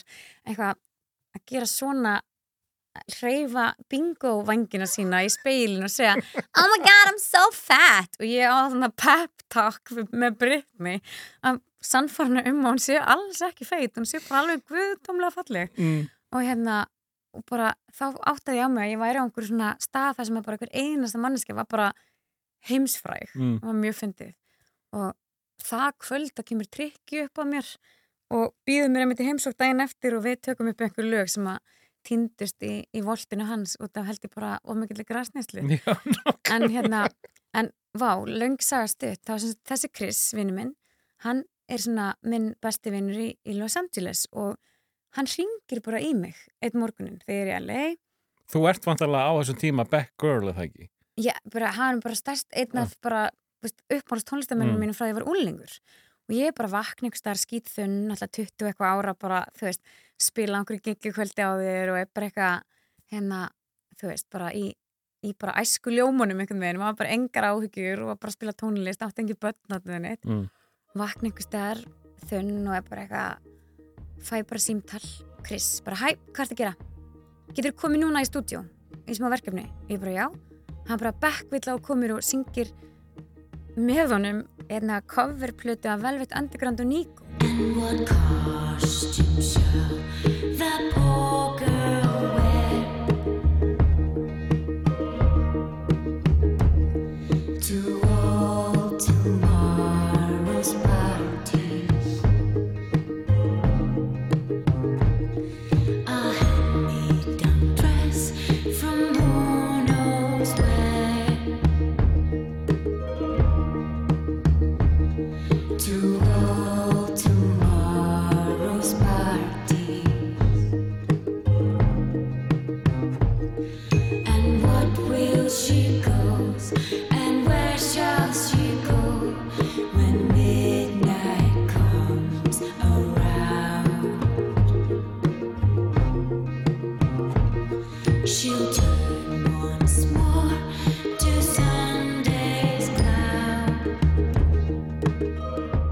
er tekið upp á staðnum ég eitthvað, what? ok, ég kem og ég bara mæti bara tökulið, nætul Godrits á, á, á, á hljó, hljóborðinu sem er bara einna stærstu pródusum í öllum heiminum en ég þekkti hann frá London hann, við áttum samband áður sko, hann, Mm. hann er vinur minn og hérna það hafði þetta vandra banhart átt að koma og taka upp einhverja plötu með Beck þannan dag Beck er með svona um, svona verkefni sem að heitir The Record Club það sem að færi einn artista sem hann fílar og þeir taka upp einhverja coverplötu á heilum degi bara talið inn og bara tekið upp og ég og hann ákveðum að taka Velvet Underground og Nico plötuna hún er öll á YouTube sko. ég og hann að syngja duetta svo bauð hann mér heim til sín að Þú varst þess að. Níko. Já, Já. svo hérna, bauð hann mér heima að hlusta plötuna eftir þetta og ég hitti börnin hans og konur hans og hann sendi mér bara skilabóð um daginn sko. Þú veist, við erum alveg í bandi Já. bara endislega maður Hvernig, hvernig, úst að, uh, hann kemur, uh, sko, á borðinu svona eins og hann sé svolítið uh, quirky. hann er rosa kvörki en rosalega bara uh, niður á jörðina og ofbáðslega bara, rosalega virðingu fyrir fólkinu sem að vinni með Mm. og þú veist og hérna bara hérna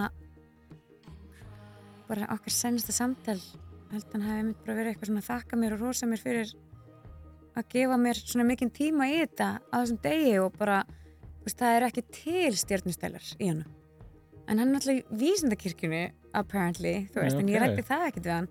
Þú veist, ég bara mætti stúdíu til hans og en hann er bara, bara svo ótrúlega mannlegur þú veist, að þessum tíma þetta er áður en hann gerir plötuna sem hann er tilnefndur sem besta plata ársins uh, á Grammy-velunum sem hann vinnur fyrir fyrir nokkur árum, fyrir fjórum árum Mm. veist, þannig að þannig er hann í smá lægðuð í ferlinum sínum og hann átti til dæmis, hann var alveg að fara að missa stúdíu sitt af því að það kostaði svo mikið og þannig að þú veist það held að svo margir að vera tónlistamæður þó settur hann heimsfrægur. Þetta er strögl. Já. það er ekkit miklu peningar í þessu. Já, þú veist að því að um, þú græðir ekkert af plötusölu í dag. Nei. Þú færð einhverjar krónur auðra frá Spotify og YouTube og allir þessum streymisfeitum og þú þarfst að túra til þess að lifa af, þú þarfst að vera á tónleikaferðilegum endalust, við erum að tala um endalust Mm. til þess að lifa af. Og það er ekkert smá batteri að setja upp svona stóra tónleika, leiði allar þessar stóra tónleikahallir og þú þarfst að vera með þú veist, umbósmenn og þarfst að vera með catering fyrir alla, þetta er bara rosalega stórt batteri Og það verður þá að ganga fullkomlega upp að því ef þú Já. ekki mikið af fólki Já. þá ertu bara í bullandi mínu. Þannig að rosa margir er að ströggla Mm. þó að þeir séu risa, risa, risa nöfn. Sko, þannig að hérna, þú veist, þetta er útrúlega áhugaverð bransi Mm. og veist, ég er náttúrulega bara opaslega þakklátt fyrir það að vera alin upp á tónlistamanni og leikurslistamanni og svo á ég tvær mömmur, þess að stjúpmóði minn og, og, og alveg mamma mín, hérna, báða leikskólakennarar. Þannig að þú veist, þetta er svona algjörlega bara hérna, þú veist, listrænt og svo bara, þú veist, ummunun og, og að mæta fólki og tengjast fólki. Og ég bara, ég sé ekki fólki þessum dýrðar ljóma mér er alveg sama, þú mátt ekki vera dónalegu aðra þó þú sett eitthvað frábæra að spila gítar eða að syngja. Mm. mér finnst það bara úslega hallaristlegt Einmitt. og bara, það er svo magnað. Því stærri stjörnur sem maður hittir því bara manniskilega er það Er það ekki? það er svo magnað að þú veist, ég held að vera með stjörnustæla og vera svona risa ekoboltar sko, þú nærði ekkert á toppin Nei. með því, Er, er það ekki svolítið þannig með þá Og sem að eru lifað já, það er Þeir sem stutt eru- lifað. eru að Jú. uh, slá í gegn þeir telja að að þetta eigi að sé- vera þannig ég held að sé ótrúlega auðvelt að þú veist, að að, að, að vera hrifin eh, þú veist, í þessa átt, Mm. skilur þú veist, fullt að já fólki í kringu þig og allir að rósa þér rosalega aðtegli rosalega aðtigli, þú veist þú þarft að vera með rosalega sterk bein í nefinu til þess að lifa fræð af mm -hmm, mm -hmm. af því að bara eins og Amy, vinkona, mín þú veist, hún bara var með fíkni gen og fíkni sjúkdóm undirliggjandi og hún höndlaði þetta bara ekki skilur. sko, af því við erum þar uh, hérna, þú þekktir hana áður hún slæri gegn Já. Var hún svona mikill fíkill þá sko hún var rosa erfið í glasi alltaf, Já. átti erfið með þetta Mm. og hérna og ég held bara eins og ofbúslega margar ungar konur sem er að byrja í tónlist það er bara pressan að vera fullkomin í útliti mm. og, veist, það er rosalega pressa þú veist, ég þekki held ég bara enga konu sem að hefur verið þú veist, annarkvört þú veist, svona framalega þú veist, sem mótil eða leikona eða söngkona þú veist, í svona ekstrím hérna, fræðar eh, sem hefur ekki verið með einhvers konar átröskun eða, eða sjálfskæðandi hugsanir, þú Mm. veist, þetta er svo rosalega mikil aðtikli og svo þú mikil skerpa. Og, og hungrið í að taka þið niður líka, sérstaklega í Breitlandi að grínast? Það er bara, þetta er ofbeldi, þetta er ógislegt þetta er bara, þú veist, ég var svo fegin að ég var ekki í popbransanum þarna, þú veist, ég var alltaf svona indie Mm. eitthvað, Að, sko, við, erum, uh, þú ert búin að vera þarna í Honeymoon já, og uh, svo hérna Fields, já svo, hvað er sko, það? honeymoon hérna endar, af því að þú veist í þá Að því þið hættu saman Jó. Já, einmitt. Nei, við vorum sko aldrei saman og hérna erum bara góði vinnir en það í dag. Hann er að spila með Manic Street Preachers sem ég hef líka verið að syngja með í gegnum tíðina. Syngi bakrættir með James Dean Bradfield og svona á hans sólöfni líka. Og hérna vorum við sama umbósmenn og þeir. Er hann þá Ritchie í dag? Já, Já, ok myndi, maður myndi segja það. En hérna, já, svo í millitíðina eftir honeymoon, þá, þetta er mjög áhugavert tímbil, við missum plötusamningin við BMG af því að Sony tók yfir- BMG og í þá daga ef það var, þú veist, eigin arma, eða sem almanna tengilin þinn við fyrirtæki, ef hann missi vinna, þá mistu öll, hérna, þetta var rosa sjokk, sko. Honeymoon var bara einn plata, eða ekki? Jú, Já. en veist, við seldum alveg sko, slatta af þessari plötu því hún var soft þess að kalla soft release við gáum út einhver 10.000 eintök af plötunni og það átti að vera okkar kynning í staðin fyrir að gera músikvídeó og Mm. kynnana svona þetta átti að vera svona ferlið, kynningaferlið okkar en það voru svolítið mistök bara af hérna, skipulagsstildinni hjá fyrirtækinu. Svona áðurinn í e, það sem að þú ætti eftir að nefna af þínu Já. efni, er þetta, er þetta nálgast þetta á streymisveitum? Er, er Honeymoon já. Og Það er- Fields og, og þetta dót? Já, ok, allt sko. Fyrir þá sem að vilja kanna það bara ég veit ekki þetta. honeymoon sé en það er pottit eitthvað með honeymoon á YouTube. The Honeymoon heitir The það honeymoon og platan heitir Dialogue og þetta er mjög góð plata. Mm.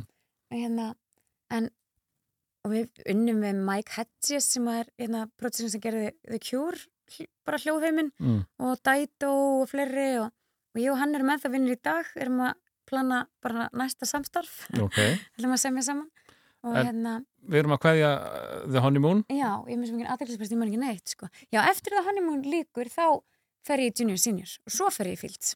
já, já, Þannig að þannig er tímaröðin.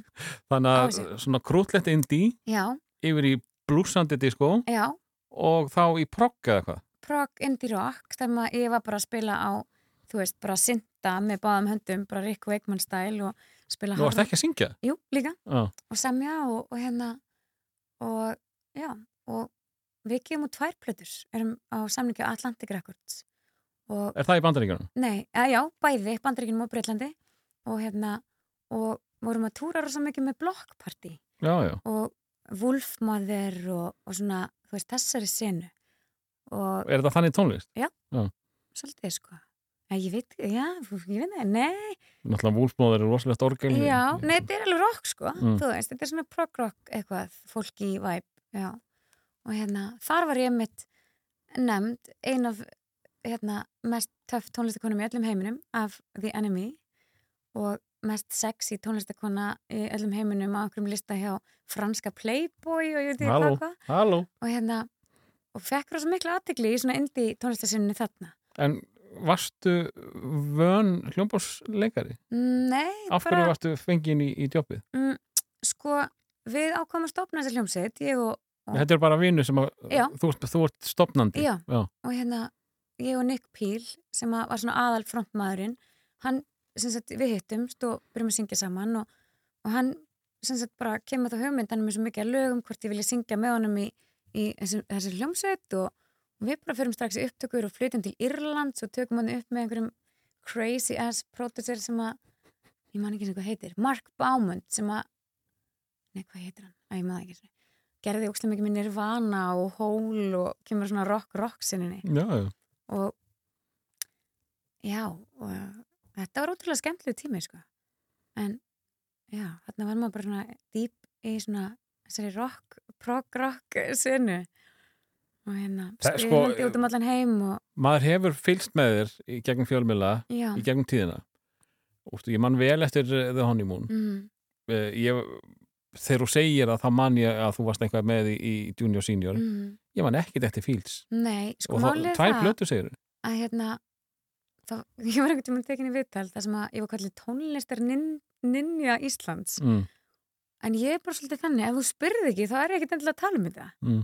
og hérna, og ég man þegar ég gerði plötunum með Beck og þá ringdi einhver íslensku blaðamæður í mig bara, er þetta að djóka, okkur er þetta ekki búin að segja frá þessu? Ég eitthvað, ha, þið bara ringdu ekki?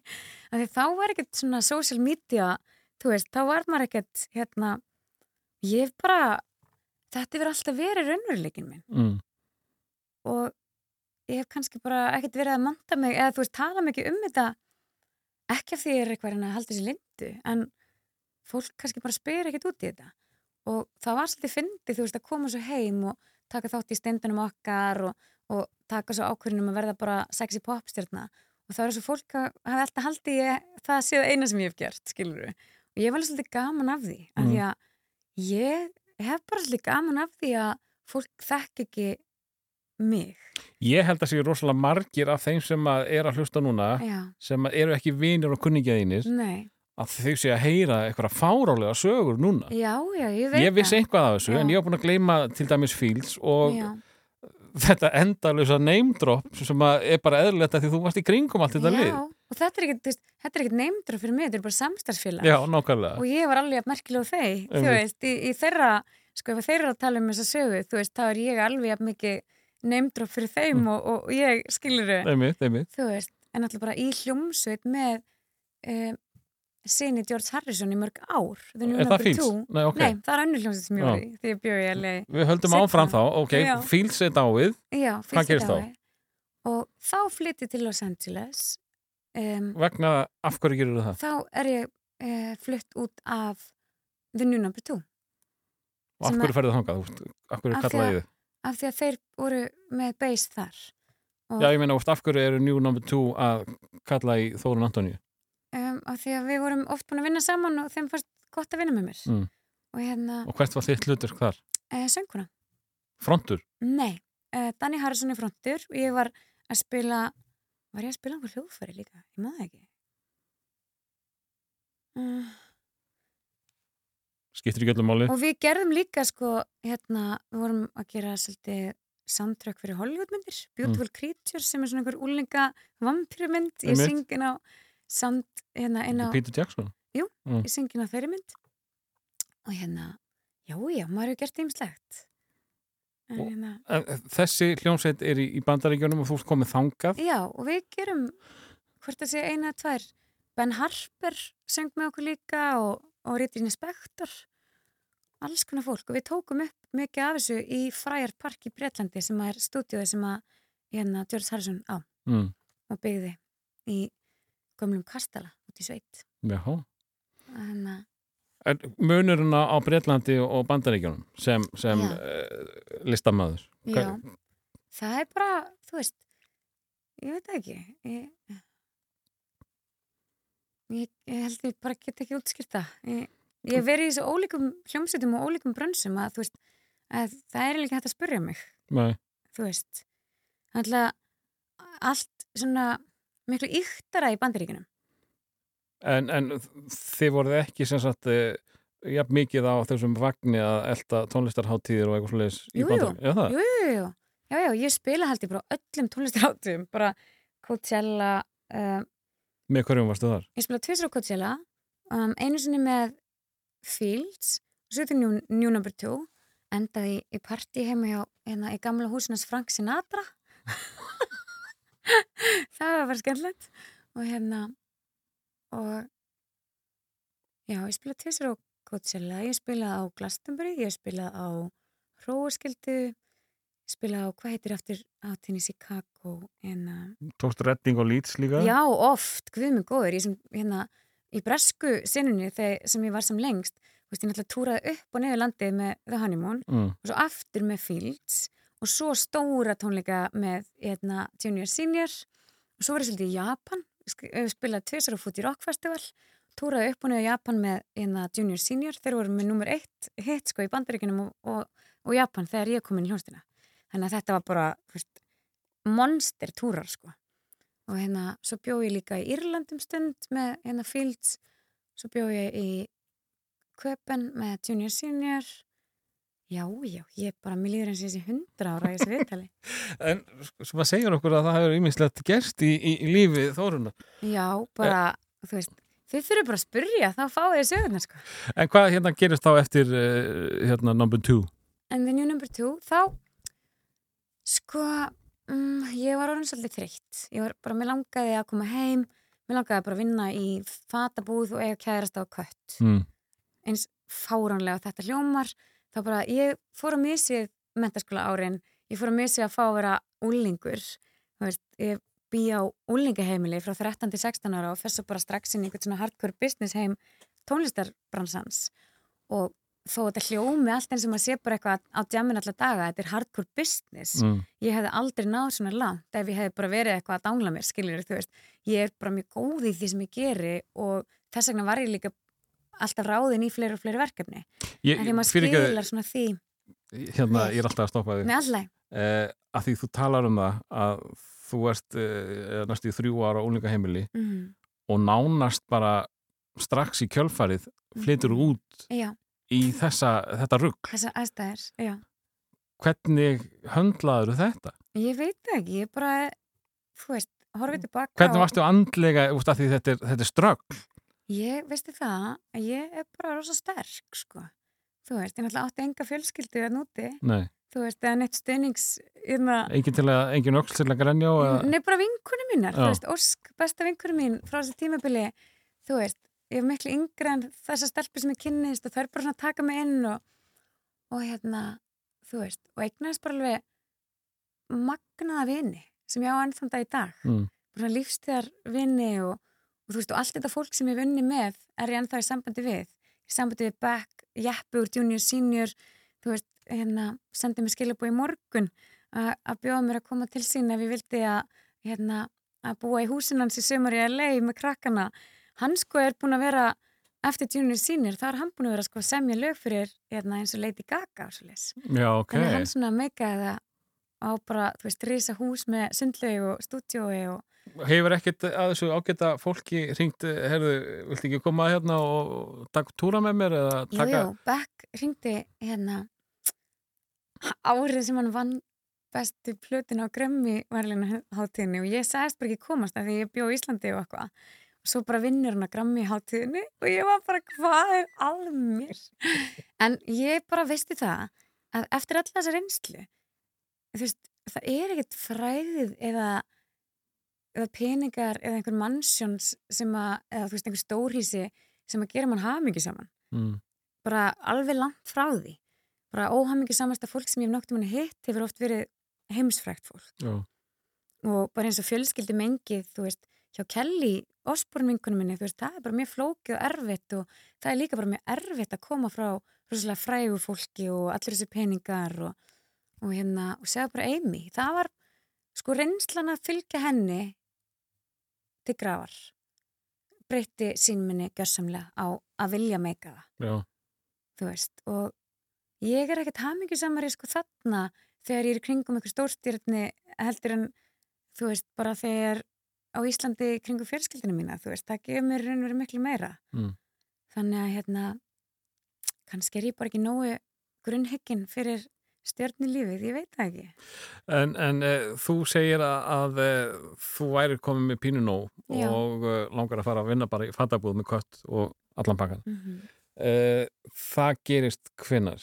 Þegar ég er, ég flytt heim bara þegar hrunið er, Já. bankurinnið og kem þá heim og, og hef þá svona filmin sem hérna grínleikuna í steindunum okkar Ferðu beint í það þegar þú kemur heim? uh, eiginlega, já ég byrja með Bent, við vorum saman í fjögur ár og hann og Steindi voru að gera eitthvað grínsketsa fyrir fyrst Monitor sem var sjónvastattur Já. og svo breytist það í hérna í sjónvastattaseríu fyrir stöð 2 Það er nefnilega sko Og- best allt og lítið gert úr þér þar. Þú varst ógeðslega góð. sko, hérna, þetta er svolítið fyndið ég kom með nafni Steindin okkar Mm. og í fyrstu seríunni þá sko sá ég bara allt meikumpið, ég leik eiginlega öll kvennlutverkin og held á sko bommunni held á ljósunum, þú veist, ég var all in í þessu verkefni frá byrjun en það er bara svo ríkt í okkar menningu að stelpur eru ekki kannski metnar alveg að verleikum fyrir þeirra vinnu Mm. og hérna, en ég og Stendur erum bara mjög góði vinnir ennþá í dag og erum að fara að spila saman ball á morgun og hann kom alltaf mjög fallega fram með mig og þú veist, en, en hérna það var sjokkrandi hvað fjölmjöla eftir að vera búin að vera frá batnesku í svona hörðum heimi bransans í Bretlandi þar sem ég- upplifði mig aldrei einhverja skraut fjöður eða, þú veist, ég var alltaf metin að verleikum og hæfileikum Erstu að tala um að, þú hefur bara verið eitthvað bimbo? Já, svo þegar maður fer inn í kannski íslenska fjölmjölabransan, sko. Þú veist, þá var maður svolítið bara, hérna, álitin sem bara svona, sem hot gellan sem var til að leika bara einhverju þáttum eða, veist, vera með einhverju sjónvastætti bara fyrir 50 skall meðan Björn Bræði fekk kannski, þú veist, bara, veist, samninga og bara alvöru laun, skilur Það var svolítið svona misregnað um, þörfina fyrir aðtílina, eða skilur ég bara, herðu, hvað hva rugl er þetta? Erum við ekki að jöfn hérna, þú veist? En, en sko, eins og ég sagði, mér fannst þú rosalega góð í, í steindanum. Og sko það er svo geggjað og skemmtilegt að það er ný kynslu að vaks og grasi núna, svona tvítuði krakkar sem að, þú veist, sem að bara elska mig úr steindanum og poppið mitt og eru bara að bóka mig á mentaskóla böll og finnst ég bara eitthvað geggjum tónlistikona sem er svo skemmtilegt. Hvernig það fer bara í ringi. Mm. Og hérna fyrst að þetta byrjaði að gerast, ég held að bara vera eitthvað grín, sko. Ég bara, ég, finnst ykkur ég cool. Þannig að hérna, Nei, að því, það er bara mjög skemmtilegt, sko. sko, hérna, að því ég er að minnast á að ég hef verið ánað með þín störf í steindanum. Heitlaði ekkert að fara lengra með leiklistina? Algjörlega, en það er svolítið erfitt á Íslandi ef maður ekki lærð leikuna. Mm. Þetta er rosalega lítill bransi og, og ég var yfirleitt bara ráðinn sem heitagellan í einhverjar senur. Þú veist, kærasta einhvers glæpamanns í Borgríki eða þú veist, eitthvað svona, eitthvað svona sem gellan, sko. Mm. Sem að þú veist, fyrir mér gælunni sem að ólst upp sem bara klára fyndnastelpan, finnst bara óksla fyndi og ég sé allt einu persónu gerð bimbo, skilur af því að þú veist, það kemur mér alveg svolítið óvart með alveg bara, hérna, hver ég er svona, sem raunmanneskjan En, en ég hef gaman af því og, og hef ekkert, ekkert vandamál fyrir mig að, að hérna að, að skella mér í sexi búningin sko, þú veist, af því að ég líka bara veit að ég passa inn í einhvern fegurar stöðul nútímans eftir að ég varð svona í útliti, skilur ég Mm. bara einhvern veginn hérna óks upp í þetta í þannan staðal og en hérna, ég hef mikla mikinn áhuga á kvikmyndagerð yfir höfuð og leiklist og bara kvikmyndum. Alveg upp á leikstýra og alveg upp af sko mjög svona óhefbundu kvikmynda uppeldi þú veist, ég var að horfa á Charlie Chaplin og einhverjar ungverskar hérna, dramamyndir þú veist, á hérna á lögataskvöldum sko, hataði það þá en í dag er ég mjög þakklátt fyrir það Já, ok. Uh, en þú daðraði eitthvað uppistand líka, þegar ekki? Sko, þetta er eiginlega bara það finnast sem ég veit að það hafa atvinnu uppistandarar reynd að plata mig í að verða uppistandari og eins og Jork vinnu minn, Mm. hann er bara þú að þú er því svo frábær uppistandari má ég þjálfa því að verða uppistandari og ég, mér finnst þetta alltaf bara svo fyndið að ég, veist veist, ég er alveg til að reyna að láta þjálfa mig upp í að verða uppistandara sko en ég mun segja bara mjög hérna, mjög grófa brandara Mm. á einn kostnað Þannig Þannig að þú hefur ekki gert það? Nei, aldrei sko, mér er Ok. okay. bara ekki eins og dotta til hugar en mikið af bresku vinum mínum þótti ég mjög fyndin. Ég þykki mjög fyndin í Breitlandi Mm. en því að ég er svona quick-witted hérna á, á, á, í, veist, á bresku. Veist, ég tala alveg reybrænandi ensku og hérna og bresku vinum mínum þótti ég alltaf svolítið fyndin. En hérna ég hef aldrei gert mig út fyrir að vera eitthvað fyndin sko. Mm. veist, og hérna og var bara meira það streitmenn í steindanum sko, af því það er rosa hérna, það er rosalega mikið list að leika á móti grínleikurum Mm. af því ef þú ert að reyna að vera fyndin þá, þá verður það svo hallarslegt þannig að veist, þetta er, þetta er erfitt hlutverk að leika í gríni Að um leið og manneskinn byrjar að reyna að vera fyndin þá hættir það að vera fyndið Nákvæmlega. En, en þú kemur inn á það náðan að þú uh, varst sett í, í hlutverk uh, sexíkjælunar. já, Síðan tókstu það hlutverk bara Já, sjálf og, og bara, bara- neldir það. ég bara, ég bara hugsaði hmm, nú ætlum ég að vera sexy pop stjarna og ég bara gerði það Hvernig dættir ég að tala við Benson? Herði, það var bróði mínum, hún batta, klass B, hérna, hljóðmann Íslands rappara snillingi, að þakka. Hann sagði Þórun, ég var búin að, ég á sko bara, þú veist, heilu kassagítar plötunar sem hafa aldrei komið út, af því Mm. ég var alltaf samið svo mikið. Og ég var búin að segja mig ykkur plötu og mér fannst hann bara svo depressing að ég nefndi ekki að gefa hann út. Og hann bara, akkur fyrir ekki að vinna með Bernd? Hann er geggjar. Nei, þú veist, ert þú einhver Já. 80s skorlega? Já, já, ég er bara, ég elska alla tónlist einhvern veginn. En veist, Og- þú semur að kassagítar, Já, hann er syndakall, já, ég er náttúrulega syndakona. Mm. Ég spila á synda í, í hljómsveitum. einmitt. hérna Minikorg og, og, og MSG 2000 og átti alls konar einhverja hérna svona 70s og 80s synda sko og mikil syndakona elska bara einn ín og alls konar svona hérna gamalt syndadót um, þannig ég sendi hann bara bref bara á Facebook eða veist, hvað þetta heitir sem það var þá.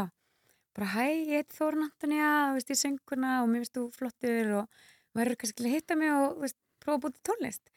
Og það var bara þannig, hann sendi mér einhverja grunna og ég bara, ég virka þannig ef ég heyri eitthvað sem að kveikir í mér að þá sem ég bara við það strax. Og ég er svona mjög fljót. Mm. annarkvæmt fílaði það eða bara fílaði ekki. Og ég bara var mjög fljót að fatta að ég fílaði þetta. Sönginn einhverju línu, sendunum, hann bara hei, þetta geggjað, ég fílaði þetta og við prófum að taka upp lag og það endar í fyrsta sæti á vinslistar ása 2 fyrsta lagi sem við ákveðum að prófa að gera saman Hvað var fyrsta lagi? uh, For Your Love Ah.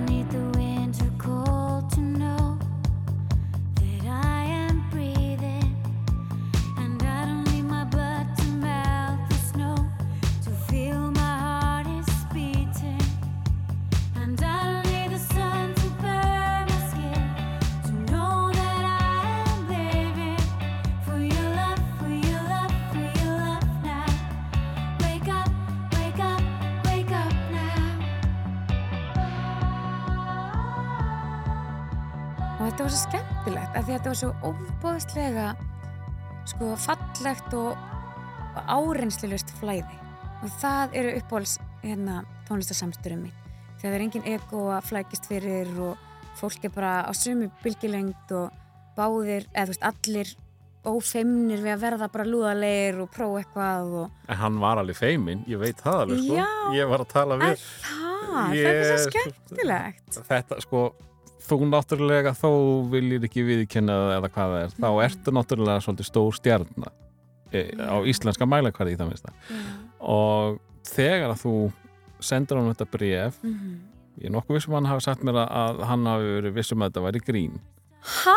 fyrst, Í alvöru? ég held ég, ætla- ég ætla ekki að, ég ætla ekki að En fara fyndi en ég man allan að honum fannst þetta svolítið gaman Já, og það var svona eins og þegar krakkar er að býða eftir jólunum eða eitthvað að taka upp pakkana.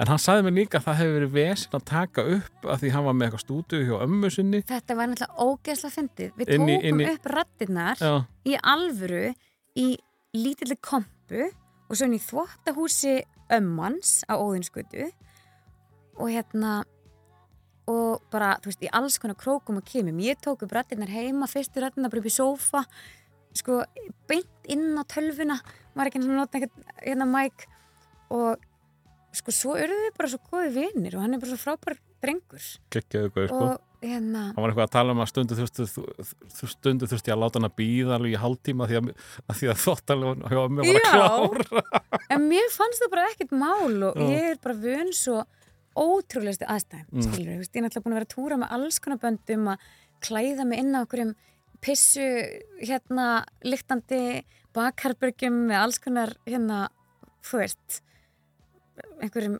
skítugum strákasokkum, skilur við, og ég er sko null dífa, þú veist, ég held að það komi kannski fólki pínu óvart, þú veist, það er ekki, bara það er ekkert svona dífu element skiluru við hérna við að vinna með mér skiluru, þú veist, ég er ekki eitthvað eitthvað í einhverju dramakasti eða þarf hitt eða þetta, ég er bara svona ótrúlega næjusum ef þetta er að virka, bara virkar þetta þarf ekkert fa- hérna, ekkert stórt eða flott stúdíu ég get algjörlega tekið upp í einhverju þvóttási þú veist, ef að sandið þannig. Og þetta var bara geggja samstarf og mér þykir svo vænt um hann og, og hérna og komður á óvart hvað, hvað þetta var þetta var svolítið stórt hitt og þrjú, fjögur lög sem að og gerðu mjög gott. og sko, þú veist, og þetta er enn þann dag í dag, bara, þú veist, ég var að lappa blögaveginn sent í gerkveldi og ég stoppuð þrjus og fjórisunum bara á leiðinni frá sko lækitorku upp á bankastræti af bara einhverju svona tvítum strákum sem að finnst ég bara geggjuð og vildi fá myndir af mér. þetta er náttúrulega tímalust Já, þegar þeir gerir svona gamaldags uh, Já. tónlist þá er þetta orðið tímalust sko. og ég er að fara að spila, ég var að spila á mentarskólaballi sko í fyrra dag og er að spila annað kvöld líka og þau vilja bara heyra þetta. Og fyrst fannst mér þetta eitthvað erfitt því ég bara, ó, ég, ég á ekkert nýtt til að spila fyrir ykkur. Þau bara, við viljum bara heyra þetta. Mm. Þú veist, þannig að ég bara, þú hvað er samfélstingin áttur og e, sko, ég er búin að lána hann svo mörgum strákum í gríni. strákum Já, þetta er svona partitrykki mitt Já. var þegar ég var á hátindi popfræðar minnar á Íslandi spila, veist, á gay pride kannski og svo endaði ég einhverju partí um setnum kvöldi og var bara, ah, ég er í þessum samfesting, nennir einhver að skipta við mig? Og það var alltaf einhverju stráka til að skipta við mig, þannig ég enda alltaf fyrir einhverjum risaturum skirtum og gallabuxum og hérna, og svo bara einhverju samfestingum. Mér finnst þú svo að fyndi að skiptum föt við kallmenn mm. þú veist, hérna, þegar í svona skvísugalanum nýkomin á einhverju giggi þú veist, ég ger alveg í þessu, ég gerði þetta um daginn með einhverja tvítuga rappara, mér finnst það mjög fyndið. Enda einhverju partí, einhverju stúdíu með þeim. Og hérna, og ég var eitthvað að grilla í þeim, ég bara, heyrðu þið strákar, gerið eitthvað gerið eitthvað beat? Og ég var eitthvað að rappa inn á einhverja, þú veist, bara eitthvað, eitthvað djók, sko, Veitu, erum við að fara uh, loksins að fá Þórun Rap já uh, MC Thorne? apparently, ég var samt alveg fyrir eitthvað drukkin og ég, en ég samt letið drengin skiptum fötum mig og hérna, þetta var mjög fyndið. Og ég held að þeim hafi fundist þetta, ja, fyndið á mér, sko. Mm. Eh, en eh, sko af hverju kom ekki meira? Þú, sko, þetta, var, þetta var svolítið kvellur Já, sko Uh, það bara einhvern veginn, sko, og þá er ekki að tala endilega bara þú og Benson. Það já, síðan leið bara mjög langu tíma að heyrist eitthvað frá þér já, þetta er náttúrulega grínþáttur, en ég lendi alls konar áföllum. Hérna, ég varð, uh, sem sagt, ég gera þarna eina plötu eftir þessa sem er svona countryplata í raun og veru. mm. Þetta varð bara svolítið of mikið á tíma, þú veist, aðtiklinn og bara, þetta var svolítið mikið, mikið. Og hérna, fólk er hann að brjótast inn til mín og strákar er hann að brjótast inn í hérna í hérna búnísherbyggjum mín og þetta var bara rosa hérna mikið, mikið latigli og hérna Svona mega stjörnu vesen. það var alveg Stókers og vinnir Já, ég hef alltaf verið með nokkra stálkera Ok. og er, að, er bara stór og góð og gild ástæð fyrir þess Ok. að ég er ekki í hérna símaskráni. Áreitið var stanslist, stanslist sko. Eftir að taka bara menningulega ferð í gegnum kommentin á YouTube undir spandexkala vídeoið á mér. Það var bara, þú veist, hluti sem ég get ekki eins og satt í útvarpinu sko, bara ógeð.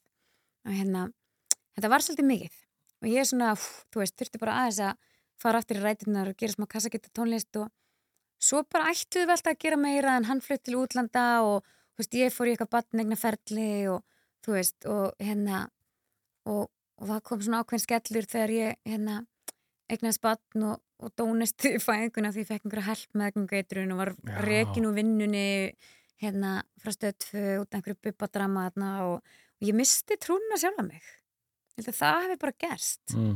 þú veist, mér leið bara svona eins og þú veist, það vildi enginn hlusta á mig þú veist, og gerði eitthvað svona eitt og eitt lag en aldrei af fullum krafti aldrei af fullum eldmóð og, og fullum styrk af því ég er rosalega sterk og sá styrkur að koma bara einhvern veginn tífalt baka núna sem Ertu- er ótrúlega skemmtilegt. Ertu tilbúin? já, já, alveg bara, þú veist til í allt einhvern veginn, skilur Mér langar að, að því, uh, þetta náttúrulega var legendary myndband þetta hérna Silfur Gala vídeo. en það var bara hvítur danskalli í anda bara Kate Bush, fannst mér.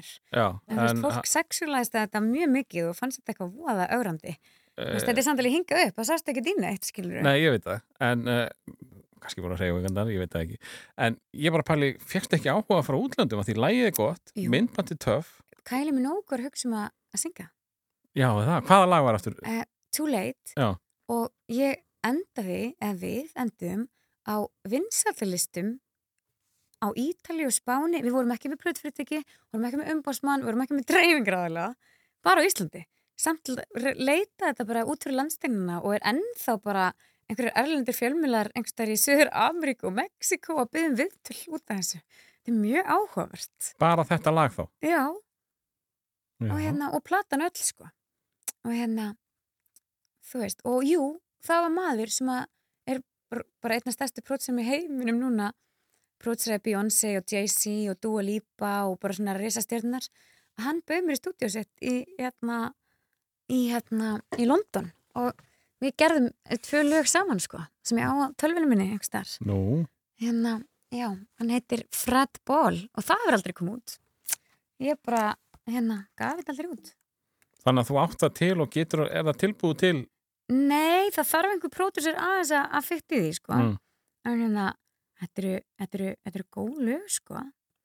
Og hérna, já, já, þetta er, hérna, Ertu að fara að leiða okkur að heyra broti gegnum mikrofón? Já, why not, maður, ha? Já, þannig að þú ert þú ert ready to party Hvað sér ég? þú ert ready to party Ég er reddi að gera tónlist, ég er að gera tónlist með Hildi, Mm. hérna, hún er náttúrulega svo æðislega tónlistakona og svo frábær, hérna, pródusers. Og við erum að gera um, svona um, poplög saman. poplög í flertölu Uh, já, við erum byrjuð, við erum eiginlega að veða búin með eitt mm. og svo erum við með önnur í hennar í vinslu og og hvað hva, hva, hvað erum við að, tala um þetta? Er þetta disco eða country eða hvað? þetta er bara pop, bara Mm. mega pop sko mega pop maður sjá, hérna er, ok, hérna er eitthvað lag sem ég gera með Ball til dæmis ég veit ekki hvað lag þetta er samt, ég man ekki hvað heitir maður sjá ég er að sækja skrá hérna en ég er alveg ennþá í bandi við hann og, og svo er hérna Ed, vinnu minn úr, úr Chemical Brothers alltaf að djóka að við erum að stofna hljómsveit saman. Það var hún sexy maður. Hún vinnutitillin er, er Thread Þórun og Ed Thread. Ég þekki náttúrulega bara endalista fólki úr þessum bransa en þetta er þú að lífa hverjum já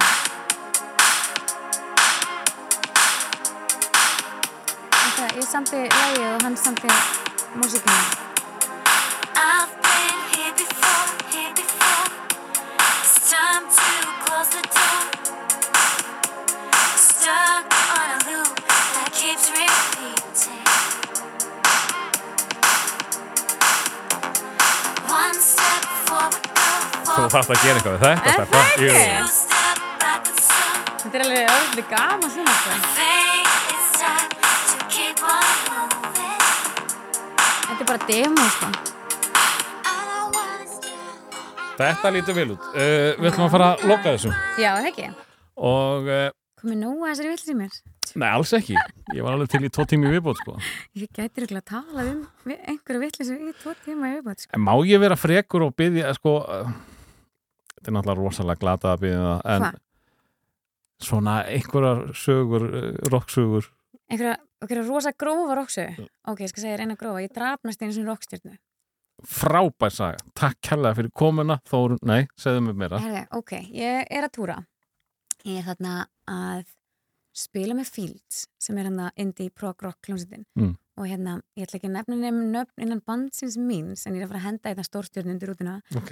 Eh, Það var einn af eh, félögum mínum sem að hafði rosalega gaman að því að, að taka eitilif og hérna, dæmi engin slík að tæfi ef að fólk er ekki með fíknisjúkdóma, bara you go crazy.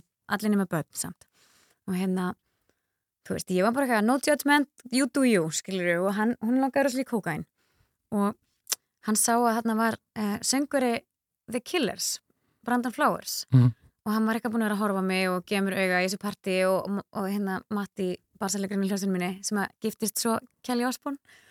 Hann segir, farðu í mana farðu og spurðu hann hvort henni er kókain og ég eitthvað hætti þessu, spurðu hann bara fokkin sjálfur, ég ætla ekki að taka þátt í þessu. Hann eitthvað, please, og ég var eitthvað smá full og við vorum eitthvað í hlátskast yfir þessu. Og ég bara, ok. Ég bara, hi Brandon, do you have some cocaine? Og hann bara, sure.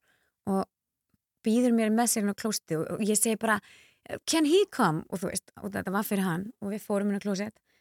Og hann sem sagt gerir hérna einhverja risastóra línur fyrir mig og Matti, ég ætlaði ekki að taka þetta Matti ætlaði bara að taka þetta og ég segi eitthvað í gríni, come on, aren't you a rockstar you have some.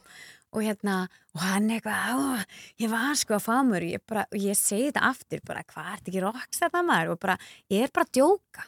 Og hann eitthvað, ok. Og bara fær sér einhverja risastóra línu í nefið. Og Matti tekur kókain líka og herðu, Matti bara hleypur út á klóstinu og Brandon, hann hrinur í gólfið.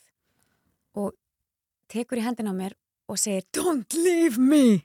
Og ég þurfti að býða með honum þá til að hann vissi hvort hann verið að fá hjartastofið ekki og ná í vatnandanum og þerra honum ennið, hann held í alveg að hann verið að fá hjartastofið og hérna þannig ég I nearly killed a killer.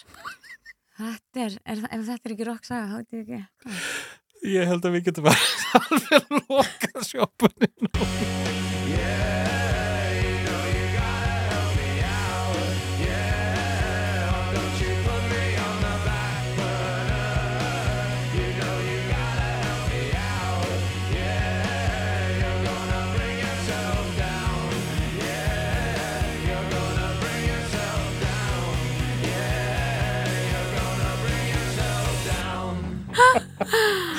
Æ, og uh, þið sem að uh, nefndu að vera með okkur allar tíman það er aldeilis bingo í lokin bingo í lokin, sko. Herðu, uh, sko við erum að taka þetta upp núna í februar þetta fer ekki í lofti fyrir um páskana. Og Mhm. þá held ég að það verði komið nýtt lag. Já, ég held það líka, og 100% sko.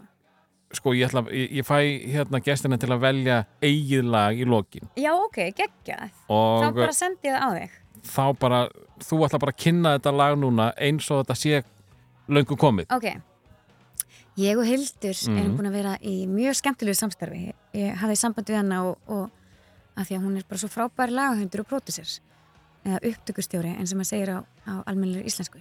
Ég hef bara líka svo ótrúlega það er svo, ég hef svo gaman af að vinna með konu það er svo ofbúrslega mikið að hæfleika ríkum tónlistakonum sem að hérna, fá bara ekki nóg mikið pláss og ég er bara, þú veist, mikið í að rósa konum og, og efla konur og þannig ég hafði sambandi við hana og spurði hvort að við getum ekki gert eitthvað skemmtilegt saman. Og við hittumst og hún var bara með eitthvað nokkra hljóma og, og bara með eitthvað svona, þú veist, mjög hráa hérna byrjun á í lægi og ég bara, heyrði þetta geggja og, og byrjaði bara að semja einhver texta og, og bara á mjög stöðum tíma vorum við búin að gera beinagrinda flotti lægi og sem að snýst og textin er um eiginlega bestu vinkonu mína og London-ævintýrið og að túra og þessa manneski sem var alltaf til staða fyrir mig. Og hérna dansaði með mér í gegnum þetta allt og, og var svona stóri klettur minn. Og þarna alveg í að dansa eða spila á festivalum og túra og bara Lægið þessa- er bara svolítið um þetta spjall okkar Já, hérna. í raun og veru. Og hérna, þú veist, um bara hvað ég er þakklátt fyrir þessa reynsli og hvað þetta er marg, hérna, margbreytileg saga sem ég er stolt af og hefur gefið mér sem margt þannig að þetta er lægið Keep on Dancing með Þórun Antoni og Hildi. Frábært uh, Þórun Antoni og Magnús Dóttir Takk kærlega fyrir að sita hérna með mér og Já, segja geggjað. sögur. Heyrðu, ég á svo margar sögur sko, það eru mjög margar aðeim þurfti ég að koma dulbúinn og, og segja með grímu af því að það eru, það eru of mikið rokk í þeim sko. Það er fyrir uh, Greenland eftir dag Já, ég á alveg nokkrar Happy Mondays hérna sögur og, Segðu mér eina, ég elska Happy Mondays. Ég er alltaf Manny og Mm. Happy Mondays og ég erum svo góði vinnir og hérna, ég fyrir hann til kærasti minn sem að braut nú alveg í mig hærtað þegar ég var hérna í lúkin á The Honeymoon æfintýrinu heitir Surge og er hérna í Kasabian. Og við byrjum saman áður en að Kasabian eru frægir sko, svo var það nú svo frægur og Kate Moss var alltaf að renna við hann. Og hérna, ég var bara eitthvað 18-19 að stelpa ára í Íslandi, fannst þetta bara það voru erfiðar aðstæður fyrir mig skilur allt einu bara það og við djömmum svolítið mikið með hérna, já, Happy Mondays og fórum í partí til Noel Gallagher og bara hittum alls konar svona fyndi fólk en þessir gaurar kunna að djama sko. Það er, uh, já. Var Sjón sem sagt ennþá að djamma á já, þessum já, tíma? já, þeir eru allir alveg að djama rosa mikið sko. Og hérna og já, já, ég enda einhvern veginn í fjölmjölum hérna út af frontmannum í Arctic Monkeys hann var eitthvað að reyna mig og það kom í blöðunum og, en við erum alveg vinir sko. Við Mm. erum, hérna, hann kíkti heimsut þegar hann var hérna, hann kom í þeim hérna, fyrir nokkur mánum Þetta eru bransa sögur maður. Ha? Heldur betur. Það, og, og, Ég gæti sagt þér ímislegt sko. Ég eh, bara bendi ykkur á það að hingra þá duglega kæru hlustendur eftir bókinni. Ég var náttúrulega að vinna fyrir það Libertines á sínum tíma líka Það voru nú eitulíf þar Já, er það djóka, ég hætti náttúrulega bara því ég var bara dudes, þú veist, mér fannst Pete Doherty bara svo hræðileg manneska bara kom svo ógíslega fram við allar Hvað varst þú að gera fyrir þá? Herðu, ég var ráðin í vinnu sem aðstofa kona uh, bók umbórsmannsins þeirra eða eitthvað. Ég var það milli plötu samlinga, þetta er áður en ég byrja junior senior og hann reð mig í vinnu að skeipilega einhverja túra og hérna og ég nefndi ekki að vinna í þessum aðstæðum sko. Hérna, líka bassaleikari hljómsinn minni þegar hann er mún áður ég þekkti þessi stráka en þetta er bara allt og allt og allt og mikið þú veist, ég er ekki, þú veist, ég hef alveg geta hérna, gert allan anskotan í gegn minnferil, ég er ekki með fíknisjúkdóm en ég er ekki tím að eiðilega sjálfa þig með Nei, og, og, áfengi og eitilífum og láta sér fá þetta skilur og mér fannst líka breska pressan vera upphefið á Já. svo mikið. Og ég hætti, ég einhvern veginn í partí heima hjá Pete Doherty hana og hann tekur einhvern gítar og bara byrjar að smassa hann í gólfið og ég eitthvað bara, eins og bara flestar íslenskar valkyrjur með bein í nefinu og ég bara, what the fuck do you think you're doing? Bara, you're acting like a fucking prick. Og ég rétti hann bara sóp og ég let hann sópa þetta upp og glerbrutinu og allt á hans eigin heimili. Og svo lappa ég bara úti og ég segi bara, I'm not fucking dealing with this. Já, þú fokkar ekkert í þórun það er Nei. bara þannig þannig ég hætti þar Takk kærlega fyrir komuna og við ætlum að enda mig. þetta á uh, nýju lægi sem er vantarlega tilbúið núna. Já, Keep on Dancing. Keep on dancing. Takk. Takk kærlega